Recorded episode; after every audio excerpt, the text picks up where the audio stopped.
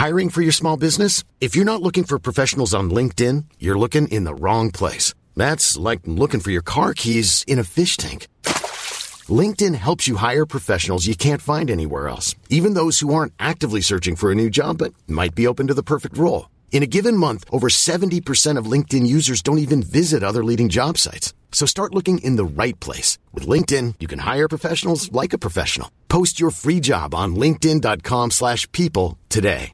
Burrow is a furniture company known for timeless design and thoughtful construction and free shipping. And that extends to their outdoor collection. Their outdoor furniture is built to withstand the elements, featuring rust-proof stainless steel hardware, weather-ready teak, and quick-dry foam cushions. For Memorial Day, get 15% off your Burrow purchase at burrow.com slash ACAST and up to 25% off outdoor. That's up to 25% off outdoor furniture at burrow.com slash ACAST. Ja, daar zitten we weer, Maarten. Ja, zitten we weer. Het gaat weer gebeuren. Och, mijn god. Ja, Ja, we ik, gaan, eh, ja? ja, ja nou, ik, ik, eh, ik heb hulp nodig. ja is, het, is het zover? Ja, nou ja, het is al die tijd al zo ver aan het zijn. Ik ben gewoon zo verslaafd aan Slay the Spire. Oh, nee. Ja, Nou ja, het is echt heel ernst. we moeten het over hebben. Ja, Oké, let's go. let's go.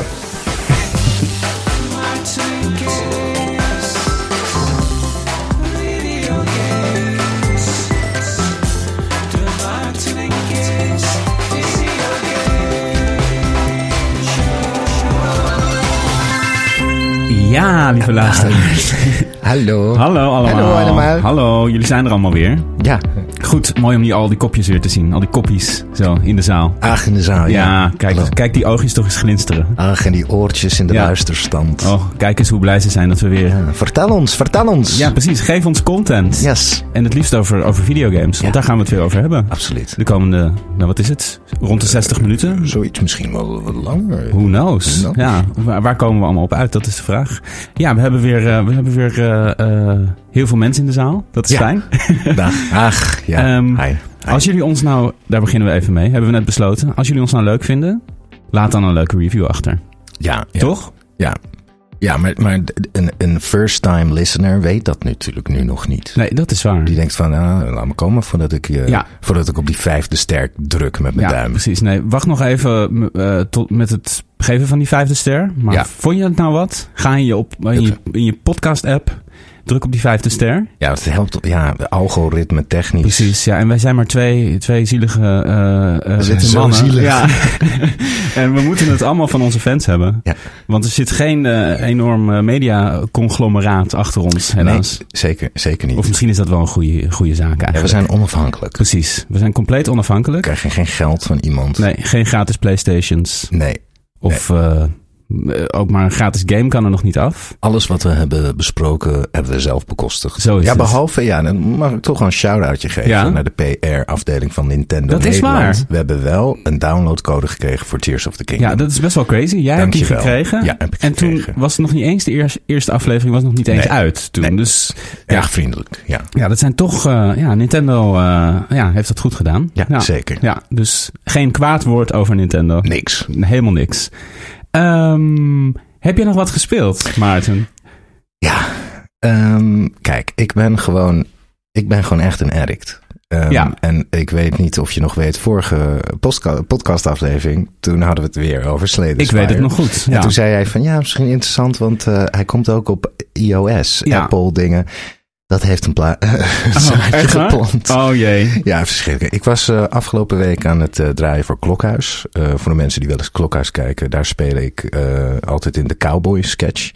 En ehm, wat heel leuk is, wat de luisteraars denk ik niet weten, is dat jij de muziek maakt Ja, voor de cowboys. samen met mijn Samen broer. met je broer. Jan, ja, zeker. Jullie maken dus alle, alle cowboyliedjes. Ook de, de- deze, deze keer hebben we weer een, echt een heel mooi liedje eh, opgenomen. Die dus ja, over een paar maanden op tv komt.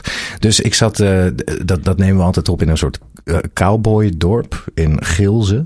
In Brabant. Ja. Dus dan zitten we altijd drie dagen lang, drie volle, drie nachten, drie dagen in een hotel. In, eh, en de hele dag draaien.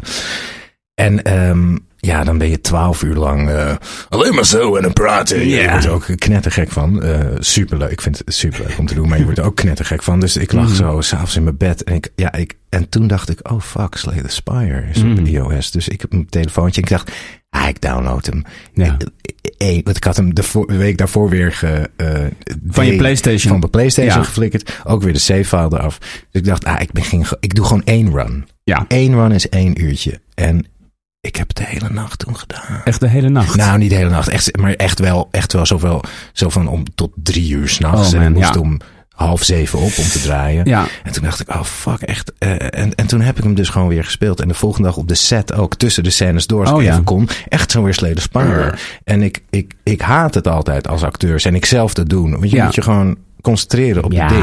nou ja. Maar, maar nu werd ik dat zelf. En ik zag het mezelf doen. Ja, dat is de pest, hè? Gedrag vertonen wat ik afkeur. En ik, en ik, en ik deed het toch. Dus ik heb toch weer een paar dagen zitten Sleden Spiral. Nu Ja. op met telefoon. Ja, en eh, nog even gewoon inhoudelijk los van deze verslaving, waar we Ja. het misschien nog wel even over moeten hebben. Maar Ja. hoe is de eh, conversie naar, naar het telefoonscherm? Is natuurlijk best. of Je speelt het altijd op de PlayStation Ja, ja. 4 met de controller natuurlijk. Ja, Eh, dat werkt goed. Ik kan me voorstellen dat het heel lekker werkt met de touchscreen. Of mis je een Mm. beetje de, de, de haptic feedback of de, ja, de touch? Nou, eh, ik heb een be- best wel klein iPhone-schermpje. Ja. En je, moet, je, je hebt zo'n hand, je, je deck krijg je. op- Soms moet je zo kiezen uit tien kaarten. Oh ja. Dus je, je, je, de oppervlakte om per. Je, je drukt vaak mis Ah, op het ja. verkeerde kaartje. En soms kan het zo essentieel zijn Ja. dat je echt een hele belangrijke kaart verkeerd Oh. pleet. En dan ben je dood en dan zit je net in je run van een uur. Dus ik, ik raad het niet heel Nee. erg aan op iOS. Ehm, Behalve maar- dan dat het gewoon altijd in je zak zit. ja, en dat moet ik dus niet Nee. hebben. En ik heb, ik heb nu weer eh, een soort mini-oplossing. Dit is een betere oplossing dan op mijn PlayStation. ik heb hem echt achter de parental lock. Oké. Dus ik En heeft iemand die sleutel dan? Ja, mijn vriendin heeft de code. Ja. Dus ik kan nu nog maar. eh, grappig is dat je met die apps niet de hele app kan verbieden, maar Nee. op, achter een tijdslot. Dus ik kan per dag één minuut Slay the Spire Oh, dat is wel heel weinig. Dat is heel erg. Dus Ja, als je voorbij het menu komt, Ja. het kan niet. Het Nee, kan gewoon niet. Dus het, Nee. het zit net, en ik heb net als eh, die andere game, ja, ik, ik, ik ben gewoon heel snel, wat echt mijn Achilleshiel is, is zijn eh, tactische roguelites. ja. Dus de andere die achter slot en grendel zit, is, eh God, hoe heet het spel? Into the Breach? Into the Breach. Ja, dat, die dat- is ook op iOS nu. ja, ja. Into the Breach. En, en die, die mag ik ook gewoon. Het is echt mijn heroïne. Ik moet het gewoon nooit meer. Het, ver- Ja. het is zo goed. Het verpest mijn leven. Niks kan me meer schelen. Nee, Mijn precies. sociale leven, mijn relatie, mijn werk. Ja. Pak het allemaal. Ik wil die kaartjes spelen. Ja, En dat, dat is gewoon geen goede lange termijn strategie voor een nee. Eh, goed, goed, eh, En goed gaat welzijn. het... Nee, precies. Het is een beetje ongezond. Het is een beetje onge- Maar Ja. ik heb toch wel in die paar dagen een paar lekkere runs gehad. Och, dat Legendarische alles, runs. Legenda echt konden mensen maar bij zijn echt leg. Dat alles zinkte. Dat Ja. alles zinkte. En dat het, ja, hemels. Ja, ja, precies. Ja. Maar nooit meer. Nee. Never again. Never again. Maar Dus- het gaat natuurlijk weer ooit gebeuren. Maar, Ja, en denk je dat het, want we nemen vandaag twee afleveringen op, want jij hebt een vakantie voor de boeg. Mhm. Denk je dan over die twee weken, gaan we het dan, is het dan weer de, de, de praatgroep? Of eh, is het van, Misschien moet ik wel naar een paar. Misschien moet ik wel gewoon naar AA. Maar dan Ja. voor eh, games. Ja. Ik, ik las dat laatst trouwens. Die, eh, iemand die had een verslag. Ik weet niet meer wat. Volgens mij ook games of iets. Of, of, of YouTube scrollen. En, ehm, en die ging gewoon één keer per week naar AA. ja, En als die dan de. Ja, dat hoorde ik in een podcast. Wie zei dat nou? Ja, David Cho. Dat is een Amerikaanse kunstenaar. Hm. En die. eh, en die gaat gewoon elke week naar de AA. En in zijn hoofd, als iemand dan zegt, ja, dan pak ik dat wijntje. Dan, dan switcht hij gewoon in zijn hoofd, ja, dan zet ik mijn computer aan. ja. En dat hielp hem heel erg. Ja. Dus eh, misschien moet ik gewoon naar de AA. Nou, als het echt problematisch wordt. Ja, het is... Ik, Wordt wel een beetje. ja, ik vond het wel problematisch. Ja, precies. Ja, zeker. Maar ja, ik, vind het ook heel moeilijk om die game aan te raden aan mensen. Want ja, het is een van de beste games ooit gemaakt. Ja. Maar het verpest wel je leven. Ja. In mijn geval. Precies. Met een beetje discipline, dan, dan raad ik het aan. Dan mag het wel even, af Ja. en toe. Ik heb ook gewoon geen discipline. Nee, dat, dat, Nope. nee. Nou ja. Ik laat me graag verleiden. ja, nou dat is toch fijn. Ook, af en toe. ook. Met mate. Met mate. Ja, ja. En over games op de telefoon spelen.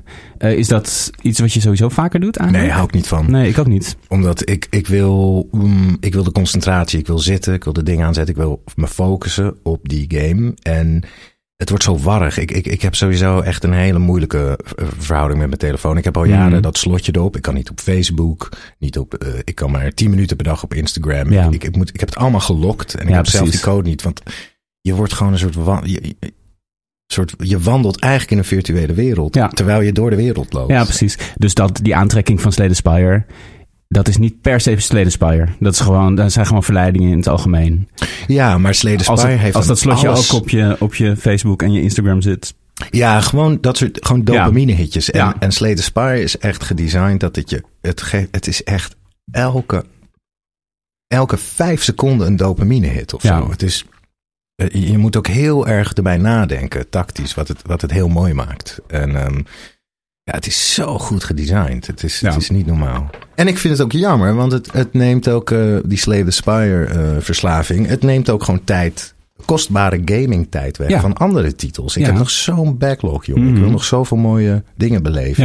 En dan zit ik toch weer Slay the Spire te spelen. Ja, ja, zo is het gewoon even. Ja, ik denk dat we over twee weken dat er een andere Maarten hier voor mij zit. Ik hoop het. Ja. Ja, sowieso. En Dat- dat, is toch dat mooie gezegde van een, een, een man of een vrouw. Ja, Japans gezegde, een man stapt nooit twee keer in dezelfde rivier. precies. Ja, Altijd een andere man, ja altijd een andere rivier. dat is ook zo. Ja. Mooi, mooi. Dus over twee weken stap ik weer in een andere rivier. ja. Over rivieren gesproken. Ja. Ik heb een, een, eh, een game gespeeld waar je heel veel in vist.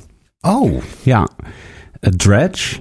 Dredge. Ja, het is een game die dit jaar is uitgekomen. Eh, Black Salt Studios volgens mij. Ik pak mijn notes er even bij. Mhm. Nieuw-Zeelandse eh, ontwikkelaar. Leuk. Het is een, eh, ja, een game die dit jaar is uitgekomen. Echt een, een vrij kleine studio. Echt een indie game. En je bent een, een visser. Je komt ergens aan op een visserseiland. En bij het aankomen gaat je boot onder eigenlijk. Mhm. Maar het dorpje is eigenlijk best wel in need of een visser. Een lokale visser. Want eh, het, het dorp loopt niet meer zo lekker. Dus de burgemeester zegt, hier heb je een boot. Je betaalt hem af door vissen te vangen. En nou ja, hier heb je wat te doen. En dan ga je een beetje rondvaren, vissen vangen.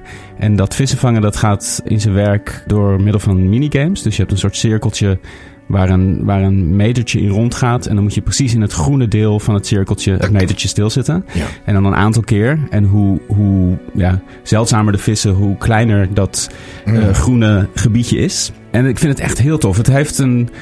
Het, het heeft een hele onschuldige uitstraling in eerste instantie, maar er zijn enorm sinistere zaken gaande. Dat voel je al heel snel. Het, het is heel fishy, zou ik maar zeggen. Eh, Heeft die burgemeester er iets mee te maken? Nou, dat vermoed ik. dan. ik denk dat iedereen die je spreekt er iets mee te maken heeft. Maar ik ben dus nog niet ver genoeg. Ik denk dat ik een uur vier of zo heb gespeeld. Al best wel wat. Ik denk dat ik ongeveer halverwege ben. Ik ben nog niet heel ver zeg maar, in het mysterie oplossen. Maar het ding is, de, eh, als het donker wordt, je hebt een tijd. Eh, de tijd gaat best wel snel. En Ja. overdag kan je gewoon vrij vissen, rondvaren. Je moet best wel goed plannen waar je heen wil. Er zijn meerdere kleine haventjes. Er zijn een aantal soort van ja, kleine mensen die ergens nog wonen met een enkele hut.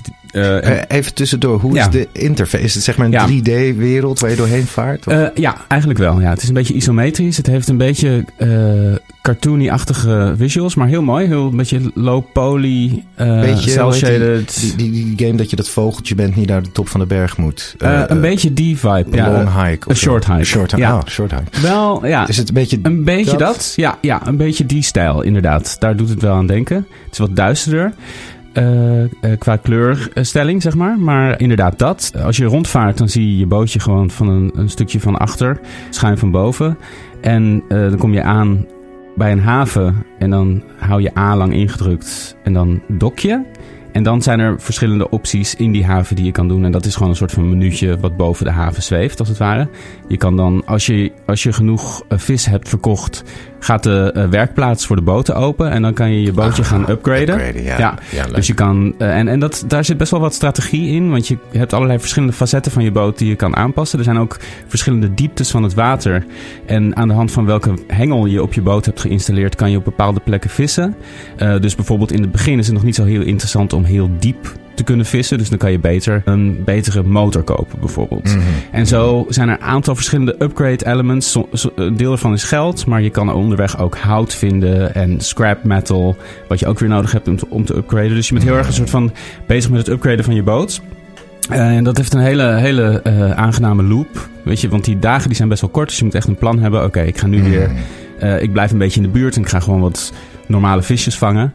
En dan heb je het soort van tweede wereld van de game. Die speelt zich af in de nacht. In de nacht komt er een mist. Die is op een gegeven moment verschenen in deze wereld. Niemand weet precies waarom. Eh, dat, dat, dat ontrafel je. Ben ik nu een beetje aan het ontrafelen. En als je s'nachts op pad gaat, dan gebeuren er allerlei weirde dingen. En wordt het af en toe echt een beetje horror-achtig. Dus dan wordt de muziek een beetje naar. Dan, dan hoor je spookachtige geluiden in de verte. Je ziet rare bootjes varen. Er zitten dingen onder je boot waarvan je denkt van nou, daar ga ik maar niet overheen. Eh, of daar, hier moet ik maar een beetje uit de, uit de buurt van blijven. Heel goed gedaan, En heel is vet. er een fail state? Kan je Ja. gepakt worden of Je capseizen? kan, ja, dat kan gebeuren. Je boot kan gedamaged raken. Je hebt sowieso, je hebt ook in de nacht echt een lamp nodig voor op je boot die je ook Mm. weer kan upgraden. Maar die valt soms uit. Mhm. Eh, en je kan tegen dingen aanvaren, waardoor delen van je boot reparatie nodig hebben. Dat kan je dan weer doen in het dorp. Maar soms verlies je bijvoorbeeld heel veel snelheid. En dan zit je ergens midden in de oceaan. Eh, is net je, eh, ben je ergens tegen aangevaren omdat je lichtje uitviel. En dan is het echt van, nou, ik, ik, heb, met een, ik heb een boot vol met zeldzame vissen. Want s'nachts komen de zeldzame vissen Mm, eh, er ja. meer uit. Maar ik moet nu het hele eind terug. En er kan, ik wil niet te veel spoilen, maar er kan van alles misgaan in de nacht, zou ik maar zeggen. En je hebt ook een panicmeter. Oh, heerlijk. Ehm, die je ook in de gaten moet houden. Als je begint te panicken, dan gebeuren er nog meer rare dingen. Oh, Dus ehm, het is echt, echt super tof. Er zitten heel veel mechanics in, maar het heeft ook een hele eh, soort van cozy-achtige vibe. Eh, overdag helemaal is het gewoon heel chill, mooie muziek. Vliegen wat vogeltjes rond. Je ziet af en toe een dolfijn zwemmen. Je denkt echt van, oh nou, hier, hier zie ik mezelf wel, wel rondvaren. En s'nachts ja, Mm. wordt het echt een ander verhaal. Vet. Heel tof, hele toffe game. Doet me, doet me meteen aan een aantal dingen denken. Namelijk één. eh Zullen we een kort spelletje spelen? Om de beurt. Ja, als het geen Slay the noemen? Spire is, vind ik het goed. Kom, we gaan nu. Ik ga nu. Hey, we gaan om de beurt een game noemen met een fishing mechanic. Ja. En tot, tot waar we. Oh my god. Ja, ik Oh. begin. Hades. Animal Crossing. Eh, Twilight Princess. Final Fantasy 15. Ehm, Sega Sea Bass Fishing. Dat was een arcade game Ja, met echt ja. zo'n plastic hengel dat je moest vissen. Jezus Christus, ik ben hier zo slecht in. Ik heb zo'n raar geheugen. Ik weet er nog één. Nu zo. Nou, ik, kom er nog wel, ik kom er nog wel in. Ik ga wel even knippen hierin. Geef me even een moment. Ja. Ja, ehm, kleine indie game, maar Cozy Grove. Koos, Mag, mag, mag, Ja. mag, mag. Volgens mij het Ocarina of Time had ook een fishing mechanic, toch? Of alleen Twilight Princess? Ja, zeker. Natuurlijk. Ocarina ja, ook. Ja, ja. Ehm, Zelfde, zelfde idee als Twilight Princess inderdaad. Ja. In, een, in een afgebakend gebied. Als een soort van minigame area. Ja. ja. Ehm, Spiritfarer. Heb je die wel eens gespeeld? ja, ja, ja. Mooi spel. Heel mooi. Die is er ook eentje. En, ehm, Wat zijn er zo fucking veel. Ja. Breath of the Wild heeft Nee. niet een... Nee, je kan Sorry. geen hengel uitgooien. Maar je kan wel, wist je dat? Als je fluit, Oh ja? kan je... Ja, dat is echt Dan geweldig. komen ze. Nee, dan gaan ze van je af. Dus als je aan de kust bij Ah. Lurelin Village, als je dan een ijspilaartje maakt, zeg Ja. maar zo 20 meter van de kust, Ja. je- met ijspilaartjes kan je, ze dan, kan je dan een soort val maken, dat, Ja. ze, dat ze er dan 20 zitten. Dan fluit je Mhm. en dan gaan ze keihard van de fluit af, daar schrik ze van. En dan gaan ze zo allemaal de branding op en dan Wauw. liggen er 20 vissen die je kan pakken. Holy smoke. Ja. Goeie tip. Ja, goed. Ik las gisteren op een eh, loading screen dat je ook vissen kan vangen door be- bait in het water te gooien in of the vet, hè? Dat wist ik ook Er niet. zitten zoveel dingen in die ik nog niet weet, Ja. mechanics. Same. Ja. Goed, ja, jeetje, ik denk toch dat jij wint. Maar ik vind het echt... Ik, ik, volgens mij Final Fantasy 14 ook. Maar ja. Ehm, ik weet eigenlijk al zeker, volgens mij is het een hele class. Veel RPG's, denk Ja. ik. Het zou ook wel kunnen in van die... ehm, dat is niet zo'n genre waar ik zo thuis in ben. Van die, eh, hoe noem je het nou? Dat je zo moet survivalen, Ja. zoals Ark en Ja, zo. precies. Noem Ja, je dat nou? zeker. Ja, sur- survival crafting. Crafting. Ja, Dus crafting survival. Ja, Minecraft. Minecraft. Ehm, en wat moest ik nou nog meer aan denken? Oh ja, je had het over die panic meter. Ja. Eh, Eternal Darkness. Ken je die Oh game? ja, Voor de ja. Gamecube. Daar heb ik gister- vorige week nog aan gedacht, ja, toen we het over Gamecube hadden. Ja. Ja, ja die, heb ik, die heb ik niet uitgesproken. Ik vond het wel heel vet. Ja, dat had, Heel volgens mij was dat een van de eerste games die dat introduceerde. Dat, dat. Die mechanic.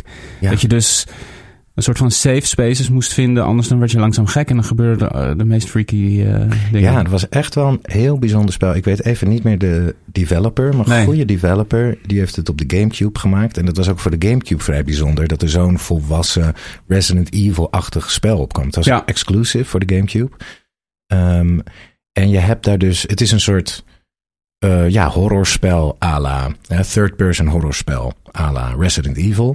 Met als verschil dat je Je ging, het was echt heel ambitieus. Het leek wel een soort HBO-serie. Precies, het was heel, heel filmisch. Heel filmisch. Ja. En je ging de tijd door. Ja. Dus je speelde een. Volgens mij begon je als een journaliste in een soort eng huis waar een mysterie was. En dan was het volgende level weer. Dan was je een Romeinse generaal. Ja. Die, die in catacombes iets moet doen. En dan was je ineens een middeleeuwse schrijver. Of in een Victoriaanse tijdperk een schrijver of zo. Met zo'n wit pruikje. En er waren dus. Het, was dus allemaal vrij mysterieus. Maar dan, dan ging je sanity meter omlaag. En hoe gekker je werd, hoe meer hallucinaties je kreeg. En op een gegeven moment, als die sanity meter heel laag werd, dan werden die hallucinaties steeds meer meta. Dus op een gegeven moment kreeg je dan bijvoorbeeld een, een waarschuwing van uh, je controller doet het niet meer. Ja. Maar precies in een gevecht, als net een baas op je afkomt en je wordt gesloopt door die baas, dan doet je controller het ineens meer. Dan denk je, what the fuck? En dan word je zo doodgemaakt. En dan ga je dood en dan word je weer wakker. Oh, het Ja. was een hallucinatie. Of je memory card is corrupted. Of het geluid ging ineens heel hard. Ja. En dan kreeg je zo in je beeld. Vroeger hadden de tv'tjes bijna allemaal dezelfde soort geluid. Zo'n groen, Zo'n groen metertje, balkje. balkje ja. Of er ging in één keer. Of, of in één keer dan viel je hoofd eraf. En dan ging die Ja. een Shakespeare monoloog doen. ja. Heel vet. Heel, heel vet, ja. Silicon Knights is de ontwikkelaar. Silicon ja. Knights, ja. En zij, maar het is wel echt een Nintendo exclusive. En bij ontwerpers staat Silicon Knights en Shigeru Miyamoto. Dus die heeft ook al meegewerkt, maar het is een Canadese studio. Ah, die heeft Ehm, waarschijnlijk een soort executive, precies. overziend Ja, ding. ja. En wat hebben zij nog meer gemaakt, Silicon Eh, Knights? ja, Too Human, eh, Metal Gear Solid, The Twins Ah, de Twin Snakes, ja. De remake, Gamecube remake Eh, van één. Leg- Legacy of Kane, Blood Omen, Legacy of Kane. die? Legacy of Kane? Nee, heb ik nooit gespeeld. Soul Reaver, vet spel ook. Ehm, dat is het. Heel trippy. Eh, ja, nee, maar goed. Dredge, echt een aanrader. En heet, Heel het, tof. heet dat enge spul, die mist, is dat de Dredge? Ehm, nee, dat is gewoon de mist volgens mij. Ehm, het is grappig, want dredge is gewoon een mechanic wat je op een gegeven moment unlockt. Want eerst kan je alleen vissen en daarna kan je ook dredgen. En dat is bijvoorbeeld als je een, een schipwrak vindt, dan kan je daarboven gaan hangen, druk je A in en dan dredge je. Dat is weer een ander soort minigame. En dan eh, kan je bijvoorbeeld schatten vinden. Oh, Eh, leuk. Dus het is puur een, een mechanic in de game eigenlijk. Leuk. Ja. Water, vind ik, water vind ik sowieso ook echt een leuk ding in Ja. games. Ja, Erin wel vooral zwemmen op het water. Ik vind onder water, dat is misschien ook een beetje trauma van de oude Mario's, die altijd echt Mm. knijter moeilijke eh, eh, onderwaterlevels hadden. En de watertempel in Ocarina of Time, dat echt een Dat is de hel, traumatiserende. Sowieso watertempels in Zelda is altijd pittig. Eh, dus ik vind varen en zwemmen altijd heel aangenaam. Maar ik vind onder water altijd lastig. Daarom heb ik ook Absu bijvoorbeeld. Mm. game van de makers van Journey, of één van de makers van Journey, nooit gespeeld. Omdat het onder water en Subnautica, ook zo'n game die ik eigenlijk heel graag zou willen spelen. ja. Maar ook onder water. En ja, ik weet niet, ik heb Het een soort van... Claustrofobisch. Nou, Weet het, je, het ja. moeilijke is met water qua level design. Je hebt geen, eh, eh, je hebt geen regels. Je hebt, geen, je hebt de regel van de zwaartekracht. Die regel is weg. Precies. Dus je bent te vrij op een bepaalde manier, waardoor het gewoon moeilijk is om, eh, net als vliegmechanics in Ja. games. Maar vliegmechanics heb je nog wel de zwaartekracht waar je rekening mee moet houden. Maar een van mijn, ja, die hebben, kijk, we, oh god, we kunnen het over zoveel games hebben. Die ben ik vergeten bij mijn eh, eh, 32-bit Ja, dit houden we de hele... Constant, ja. Ja. Toen speelde ik de eerste Tomb Raider op Ja. de Sega Saturn. En daar kon je dan... Dat was eigenlijk mijn eerste echte 3D-game. En van, wauw, je kan die hele wereld exploren. En dan de eerste keer dat je zo'n duik maakt in het water. Mm. En ik kan onder water. Water Ja. was altijd gewoon een achtergrondje of zo, weet je wel. En ik vind op het water altijd... Ik vind de graphics altijd gewoon mooi. Ja. Van water. Water is iets wat ze heel goed realistisch kunnen nelen. Zeker. Ook in een game waar ik het zo over wil hebben. Bioshock. Ah, ja. Dat begint in het water. Ja. Die heb je gespeeld. Ik heb het begin gespeeld. Eerst, maar we gaan het straks over hebben. Gaan we zo over Ja. hebben. Maar water, love it. Zeker. Ja, en, eh, same. en Grudge, staat die op Game Pass? Dredge. Dredge. Eh, Dredge staat helaas niet op Game Pass. Want dat is er deze week ook gebeurd. Eigenlijk ja, hadden we daar ook best mee kunnen beginnen. Jij hebt een. Ik heb een Xbox Ja. met Game Pass. Ja. Met jouw truc. Precies. Ja, ja. maar ik heb, er, eh, ik heb er helemaal niet op gespeeld, want ik heb alleen maar Slay the Spire gespeeld. Ja, precies. Dus hij Ja. staat er, maar ik vind het echt een prachtig apparaatje. Mooi, hè? ik heb Ja, zo'n kleine. Ja, een, een Series S. Series toch? S. Zo'n witte eh, met een zwarte ja, cirkel erop. een Een soort- speaker eigenlijk. Een soort speaker, het lijkt een soort Bluetooth boxje, maar ik vind het echt een heel mooi, mooi gedesigned klein dingetje. Ik vind de controller, ik heb dus nooit op Xbox controller, alleen de allereerste Xbox. Mhm. Daar moet ik nog wel even wennen. Mijn, mijn middelvinger zit een beetje klem. Wordt een beetje Eh, tegenaan gedrukt. Oké, op het randje aan de voorkant. Ja, Ja, daar zit, ik eh, ik heb ja. de grote middelvingers. Ja, die gebruik je ook zoveel. Maar die zijn heel erg getraind. Ja, precies. Ja. Nee, maar gaaf. Maar ik En ben, wat- ja, ik ben er blij mee. Met Nice, nice. Ja, je gaat er denk ik heel veel plezier aan beleven de komende Ja. drie jaar. Want je hebt dus drie jaar Game drie Pass. jaar Game Pass. eh, vers van de pers, echt een kwartier voordat we gingen opnemen, las ik Mhm. dat ze een paar uur geleden de conversietruc hebben niet afgeschaft, maar veranderd. Oh. Waardoor het een 3 tot de verhouding van 2 is. Of hoe zeg je dat? Als je nu drie jaar koopt, Mhm. eh, dus Xbox Live Gold voor drie jaar zou kopen, en je conver converst het naar Game Pass Ultimate, dan wordt dat twee jaar. Oh. Dus je hebt nog een- steeds een goede nog steeds deal een topdeal, maar Maar ik, ik, je ja, is echt- ja. bent echt net, zeg maar, de rolluiken gingen een Ja, en beetje ik dicht zeg- en je ging nog net zo Oh, onderdoor. heerlijk. Ook een Dus- leuke game mechanic. Ook, ook iets waar ik het zo over wil hebben. Een rolluik wat dicht gaat en dat je net eronder doorslijt. Heb je dan een enig idee welke game ik het over heb? Eh Last of Us? Eh, nee, het zit in Zit zoveel games. Ja, precies, ja. Eh, we gaan het erover gaan hebben. over hebben. Na de break.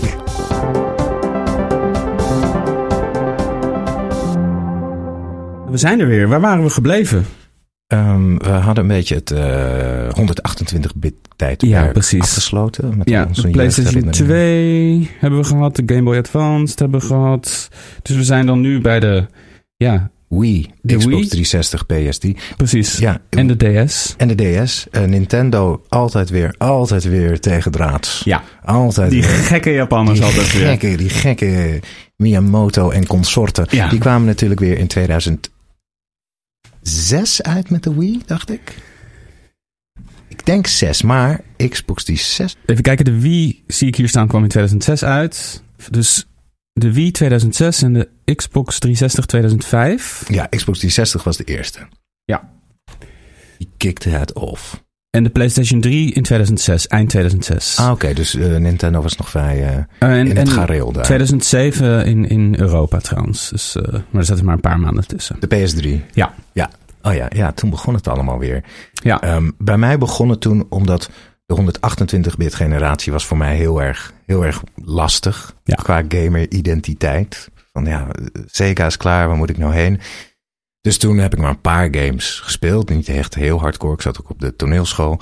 Maar toen eh, de DS en eh, de Wii uitkwamen, dat was weer echt mijn entry terug into gaming. Ik heb toen op Marktplaats van iemand een Wii en een DS gekocht.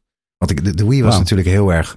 Holy fuck, dit is echt iets nieuws. Je kan nu lightsabers vasthouden en Mhm. zo. Dat bleek zeer tegen te vallen. Want je hebt voor motion control gewoon eh, feedback nodig. Je, Ja. je, eh, het betekent niks als je maar een beetje kan wapperen met zo'n ding. Maar goed, toen kocht ik die met Super Mario Galaxy erbij. En op de DS de New Super Mario 2D, eh, whatever. Mhm. En eh, ja, dat was eigenlijk weer echt mijn, mijn terugkomst. Ja, voor mij geldde eigenlijk hetzelfde een beetje. Ik, het was ook voor mij heel erg een overgang. Ik, ik studeerde dus in Tilburg. En rond deze tijd verhuisde ik weer terug naar Amsterdam. En kwamen deze consoles ook in mijn leven. En had ik ook op de een van, nou, hetzelfde verhaal een beetje. Ook studeer, we studeerden een beetje in dezelfde tijd. Ja. En tijdens een studie is het gewoon ingewikkeld om te gamen. Alhoewel, vorige Toch aflevering toch anderhalf uur erover hebben te kunnen praten. Maar inderdaad, toen, begon het, toen speelde het weer een grotere rol. We hebben Ja. altijd wel gegamed, maar eh, soms ja, neemt het een iets groter aandeel eh, in je leven. Ja, kijk, als wij weinig gamen, is het alsnog insane. Best wel veel. Mijn peetkindje zei bijvoorbeeld van ja, ik vind het echt insane hoe jullie met tijd omgaan. Want je zegt, ja, nou, nou kijk, na, na 60 uur eh, ja, begint het verhaal een beetje Ja. te lopen. Waar haal je die 60 uur vandaan, man? Dat vraag ik me soms ook wel eens af. Maar ja, zo is het wel. Ja, dat is ook wel, vind ik ook wel tof. Want ik denk, dat, eh, dat bedacht ik me ook vorige week nog over de vorige aflevering. Dat is, dat is eigenlijk het moment dat de meeste mensen stoppen met gamen. Eh, zeg maar als ze zo gaan studeren, misschien al iets daarvoor, als rond de puberteit. Meestal, weet je, de kinderen beginnen misschien op hun achtste, negende, negende echt serieus games iets meer te begrijpen. En echt eh, de, zeg maar, de fysieke vaardigheid te krijgen om ze te kunnen spelen. En dat duurt dan denk ik een jaar of vijf, zes. Rond in de, in de, op de middelbare school had ik ook heel veel gamende vrienden. Hadden we het er ook heel veel over. Maar daarna, dat is altijd zo'n gat. En de meeste mensen vallen in dat gat en kruipen er dan niet meer uit. Ja. Totdat ze als ze dertig zijn van ja, ik heb nog eh, dit en dit gespeeld op de dit en dit. Weet je wel? Van, eh, dat, dan zit er een heel groot gat tussen. En soms, heel vaak krijgen mensen dan toch weer die interesse terug als ze Ja, eh, in hun dertiger jaren zijn en denken van... nou, ik, volgens mij zijn er wel toffe dingen. Maar goed, dat, Dat krijgen we ook veel te horen via Ja. de Instagram. Dat mensen dan in één keer... Vaak van die vaders, die hebben Ja. dan zo'n... zo, die kinderen zijn wat groter. Oh, nu ga ik weer. Superleuk. gaat Maar, weer en en dan, dan heb je een hoeveelheid games die je kan checken. Dat Oh is niet God. normaal. Dat is Ja. echt, eh, echt een, een gat, een gat, jezus, schatkist aan... eh, Een een gatkist. Maar goed, sorry, even... even Dan kan je lekker Portal spelen bijvoorbeeld. Nou, Een oh, gat. Een, een Ja. kist met een gat erin. twee gaten zelfs. Twee gaten. Oké. Eh, dus ja, de Wii en de DS. Ja, wie was voor mij voornamelijk... Ik vond het heel leuk. Ik, ik herinner me nog een, eh, een, een koning... Dat was toen nog Koninginnedag. Hmm. Ik haat Koninginnedag, dus ik doe heel veel binnen. En ehm, toen kwamen wat vrienden bij me langs. Kwamen. Thomas en Roos kwamen toen bij mij. Die waren gewoon over straat aan het barren. Hey, we, gaan, we lopen langs Maarten hier. Ik zat toen binnen alleen maar... Met, ik had mijn nieuwe Wii. Dus Ja. ik Super Mario Galaxy. Hey, kom binnen. En toen heb ik Wii Sports aangezet. Hmm. En toen werd het echt even wat, wat game voor mij normaal nooit is. Maar toen werd het echt even zo'n reclame. Ja. Drie vrienden die dronken. En dat hebben we echt drie uur gedaan. Ja, Dat, vond ik een hele, hele mooie herinnering. ja, dat, ja, Wii Sports is natuurlijk echt een, een, een mijlpaal. Een, een van de best verkochte games aller tijden. Ja. Eh, Het zat natuurlijk ook bij de Wii. Maar Ja. eh, dat, dat, en, en de Wii, zeg maar, de, de verkoopcijfers voor games op de Wii zijn eigenlijk vrij laag. Maar de verkoop van de Wii zelf was kolossaal. Want Ja, iedereen en hun oma kocht dat ding. ja, Eh, hele bejaardentehuizen stonden te bolen met dat ding. ja. Maar de Wii had het toch wel, wel moeilijk ook. Ze raakten wel de soort van kern Nintendo-fans een beetje kwijt. Ook omdat Xbox en PlayStation echt eh, met full force eh, nu uit de startblokken knalden. Ja.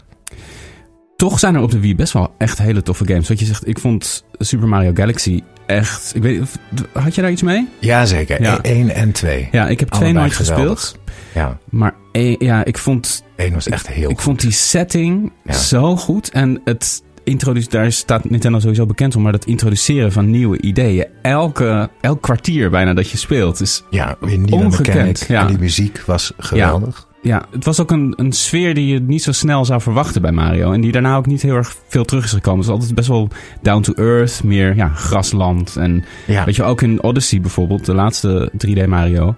Is best wel... by the books eigenlijk. Mhm. Best wel voorspelbaar toch. En dat was eh, eh, Galaxy totaal niet, vond ik. ja, Galaxy bleef gewoon snel, op tempo. En Ja. omdat, die, eh, omdat het op van die ronde planeetjes was, was het ook wat beperkter. Wat ik fijn vind. Waar, waar, waardoor, waarom ook 2D Mario zo goed vind. Het is vrij beperkt. Ja. En die gameplay is heel, heel secuur daardoor. Ja. En ehm, ja, het was gewoon leuk. En die, en die sterretjes waren lief. En het, Ja. het was gewoon helemaal leuk. Zeker. Galaxy. Ja, echt, ja. echt tof. En ook een soort van de awkwardness van Sunshine. Als ik ze nu zeg maar in mijn hoofd naast elkaar zet, hoe ook de art design zeg maar is, weet je wel. Mhm. Dan is Sunshine best wel gewoon echt weird en, en Ja. een beetje, een beetje soms onaantrekkelijk op een bepaalde manier. Ja. Een beetje van die rare blobby beesten dus, waar we het ook vorige week over hadden. En Galaxy is heel, eh, eh, heel gefocust. Ja. Met een hele heldere art direction. Eh, Ja. Eh, dat is echt heel, ja, geweldige game. Ja. Jammer dat hij dus, hij is wel voor de Switch uitgekomen volgens mij, maar dat is dan in een... Een ehm, remaster toch? ja, maar die is, is niet meer verkrijgbaar. Die hebben ze maar korte tijd op de markt gezet. Dus hij is ook fysiek uitgekomen, maar hij, is niet meer, hij wordt niet meer nieuw gemaakt. En hij is ook digitaal niet meer te krijgen. Echt Oh ja. onbegrijpelijk. Weet je, die oude Disney-truc. Ja, En ehm, de, dus als je hem nu wil kopen, tweedehands op eh kaart, dan is die dus ook heel duur. Dat denk ik wel. Ja, ja. Misschien Ja. valt het nu nog mee. En misschien moet ik er eens naar op zoek. Ik weet ze niet- moeten echt, ik vind echt, ze moeten Mario Galaxy 2 Ja. uit, uitbrengen op de, want die is beter nog. Oké, ja. Is Want dan heb je verfijnder. Yoshi ook, hè? Heb je Yoshi en het is nog, alle shit is eruit, zeg maar, alle extra dingen. Je hebt Mm. volgens mij niet echt een hub meer. Het is gewoon, weet ik eigenlijk helemaal niet meer. Maar ik vond, ik vond hem beter in ieder geval. Oké. Ja. En Wind Waker HD, of die Wii U versie, moet Ja. ze ook echt uitbrengen. Ja, voor de Switch. Ja, Ja, man. Ja Nintendo druppelt dat, eh, dat altijd heel langzaam eh, Ja. uit. En dat is een beetje Ja. frustrerend. Wel slim, denk Ja. ik hoor. Keep them begging for more. Precies, ja, daar is Nintendo echt goed in. Ja, zeker. En verder, Wii U heb ik eigenlijk niet zoveel gespeeld naast Ik die heb- twee.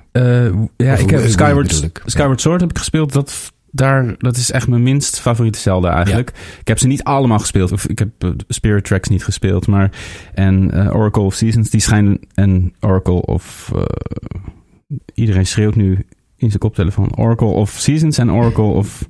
Nou ja, Ages? Ages, ja, ik dankjewel. heb- nou, ik heb, het, ik heb het niet eens gespeeld. Daar heb ik hele goede dingen over gehoord, maar goed, doet er verder niet toe. Ik, eh, Skyward Sword staat echt onderaan bij mij. Ik vind het Ja. echt eh, eh, ja, een beetje een, een suffe Zelda. ja. Xenoblade Chronicles heb ik gespeeld, de allereerste. Oh, die, dat was echt wel...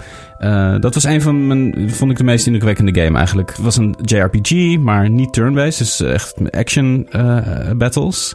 Wel in een soort van arena waar je dan in terecht komt. Dus het is niet helemaal vrij rondlopen en hack en slashen. Heel veel tactiek in de combat en eh, een, echt een kolossale wereld. Heel vette wereld. Twee kolossen. Eh, dus de, de, de wereld is een enorme reus.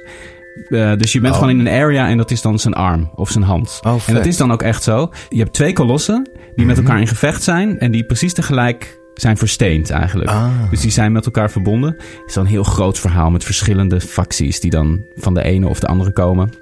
Super, super vette setting. Dus de hele planeet zijn zeg maar Ja, twee kolossen. Twee kolossen die in, midden in de zee staan. Ja, en daar Oh, loop je op vet. rond. Echt Oh, vet, super, super gaaf. Oh, dat is altijd zo gaaf in Ja, games. Als je op soort- iets loopt. Zoals Ja. God of War heeft het ook heel vet. Ja, Eh, Shadow of the Colossus. Maar dit is dus nog veel. nog veel. De hele wereld. Gewoon het formaat van, zeg maar, nou ja, een, een, een Breath of the Wild, zeg maar. Maar dan helemaal Vet zeg. Het is dus heel verticaal ook de wereld. Dus je kijkt heel ver en dan zie je, nou ja, zie je iets uitsteken en dan denk je, oh, dat is een schouder. Weet je dat is echt. En daar kan vet. je dus ook heen. Ja, ja, zeker. Ja, Ja, ja. nee, echt sowieso echt een hele, hele vette serie, Xenoblade Chronicles, die ik echt wel kan aanraden. Alhoewel het wel, het is een, ja, je moet er wel van houden. Het is een kost- beetje archaïs waarschijnlijk. Ja, een beetje. En het is een beetje traag. Het, is heel la- het zijn hele lange games.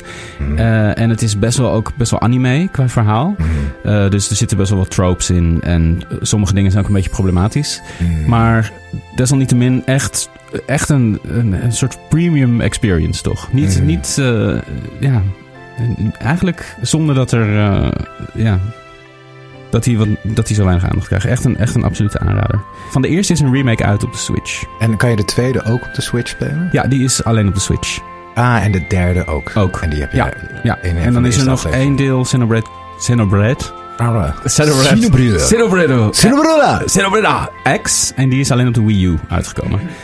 En dat is Die- weer een losse of zo. Die heb ik nooit gespeeld. Ja, die staat een beetje los van de rest en die is meer mecha-based. En die Ah. schijnt voor liefhebbers van mecha's eh, ook echt geweldig te zijn. Maar dat ben Ah, ik ja. niet per se. Maar ik ben er wel benieuwd naar. Misschien als die ooit ook geremaked wordt voor de Switch, ga ik die ook wel checken. Maar goed, Hmm. Xenoblade Chronicles dus. Okami? Ken je Okami? Ja, die heb ik. eh, eh, die ben ik steeds begonnen. En op een of andere manier ging daar niet mee door. Maar heel aantrekkelijke artstyle. Heel mooi. Ja, hele mooie open world. Ja. Heel, heel Japans. Je speelt een, een witte wolf. Heel erg eh, Wind Waker-achtige visuals, maar dan nog Ja. handgetekender eigenlijk. En, en schilderen en tekenen speelt ook een hele grote Ja. rol. Al je spels zijn tekeningen. Hoorde ook bij de Capcom 5, toch? Ja, volgens mij wel, ja. Daar zat hij bij. Klopt, Ja. Ehm, ik heb er nog een mooie. Ik heb, ik heb een prachtige anekdote. Ja, bring it on. denken- ik moet aan denken door. ehm, dus ik kreeg in die zomer, of die lente, kocht ik dus die, eh, de Wii en de DS. En de DS heb ik een eh, hele in- intense zomer mee beleefd. Want ehm, ik had een, mijn, mijn toneelschoolliefje en ik, dat ging uit. En toen, was het, toen werd het zomer. En toen ehm, ging ik naar Japan, zes weken lang. En die Game Boy DS ging mee. En dat was een hele mooie samensmelting van, van, van twee werelden. Dat ik naar het land van de DS ging. En eh, daar heb ik toen de, de twee Advance Wars gespeeld op de DS. Begon ik in het vliegtuig. Ik begon eigenlijk gamen in dat vliegtuig ermee. En ehm, de Phoenix Wright trilogie. Oh ja. Heb je die wel eens gespeeld? Nee, nooit gespeeld. Echt hele leuke eh, text-based adventures. Een soort point-and-click-achtig. eh, heel belachelijk. Heel erg over de top. Echt typisch Capcom anime. En ik heb die, eh, ik heb die daar gekocht, volgens mij, die games. Want de Game Boy DS was... eh, of, eh, Nintendo DS was eh, multi, hoe noem je dat? Regionaal. Regio vrij. regiovrij. Je Ja. kon dan gewoon de taal kiezen in het Mm. Engels. Dus die kocht. Dus ik heb daar echt een heerlijke zomer in eh, Japan beleefd. Ehm, ik ben echt. Ik heb helemaal niet het, het, het land gezien. Ik ben gewoon. Ik had een appartementje gehuurd. Drie weken in Tokio. Daarna Ja. drie weken in Kyoto. Mm, Dus ik ging gewoon elke dag die stad in. ja. En, eh en eh, gamewinkeltjes af. En ik kocht die games en heb daar gewoon heel veel op straat gehangen Ja. met mijn Game Boy. en, die, en al die Japanse games spelen was heel vet. En ik, ik weet nog, ik, ik zocht dan een bepaald eh, gamewinkeltje, een tweedehands gamewinkeltje. En ik kon het niet vinden, weet je. Heel groot daar. En ik vroeg Mhm. een beetje rond van... eh eh, videogame store. Nou en ja. toen op een gegeven moment een man, oh, die snapte wat ik bedoelde. En die zei toen, wat zei hij nou tegen me? Hij zei, oh ja, ah, ah Gima Toredo. En ik, wow, wat? Even, even, even luisteren, wat, wat zeg je nou?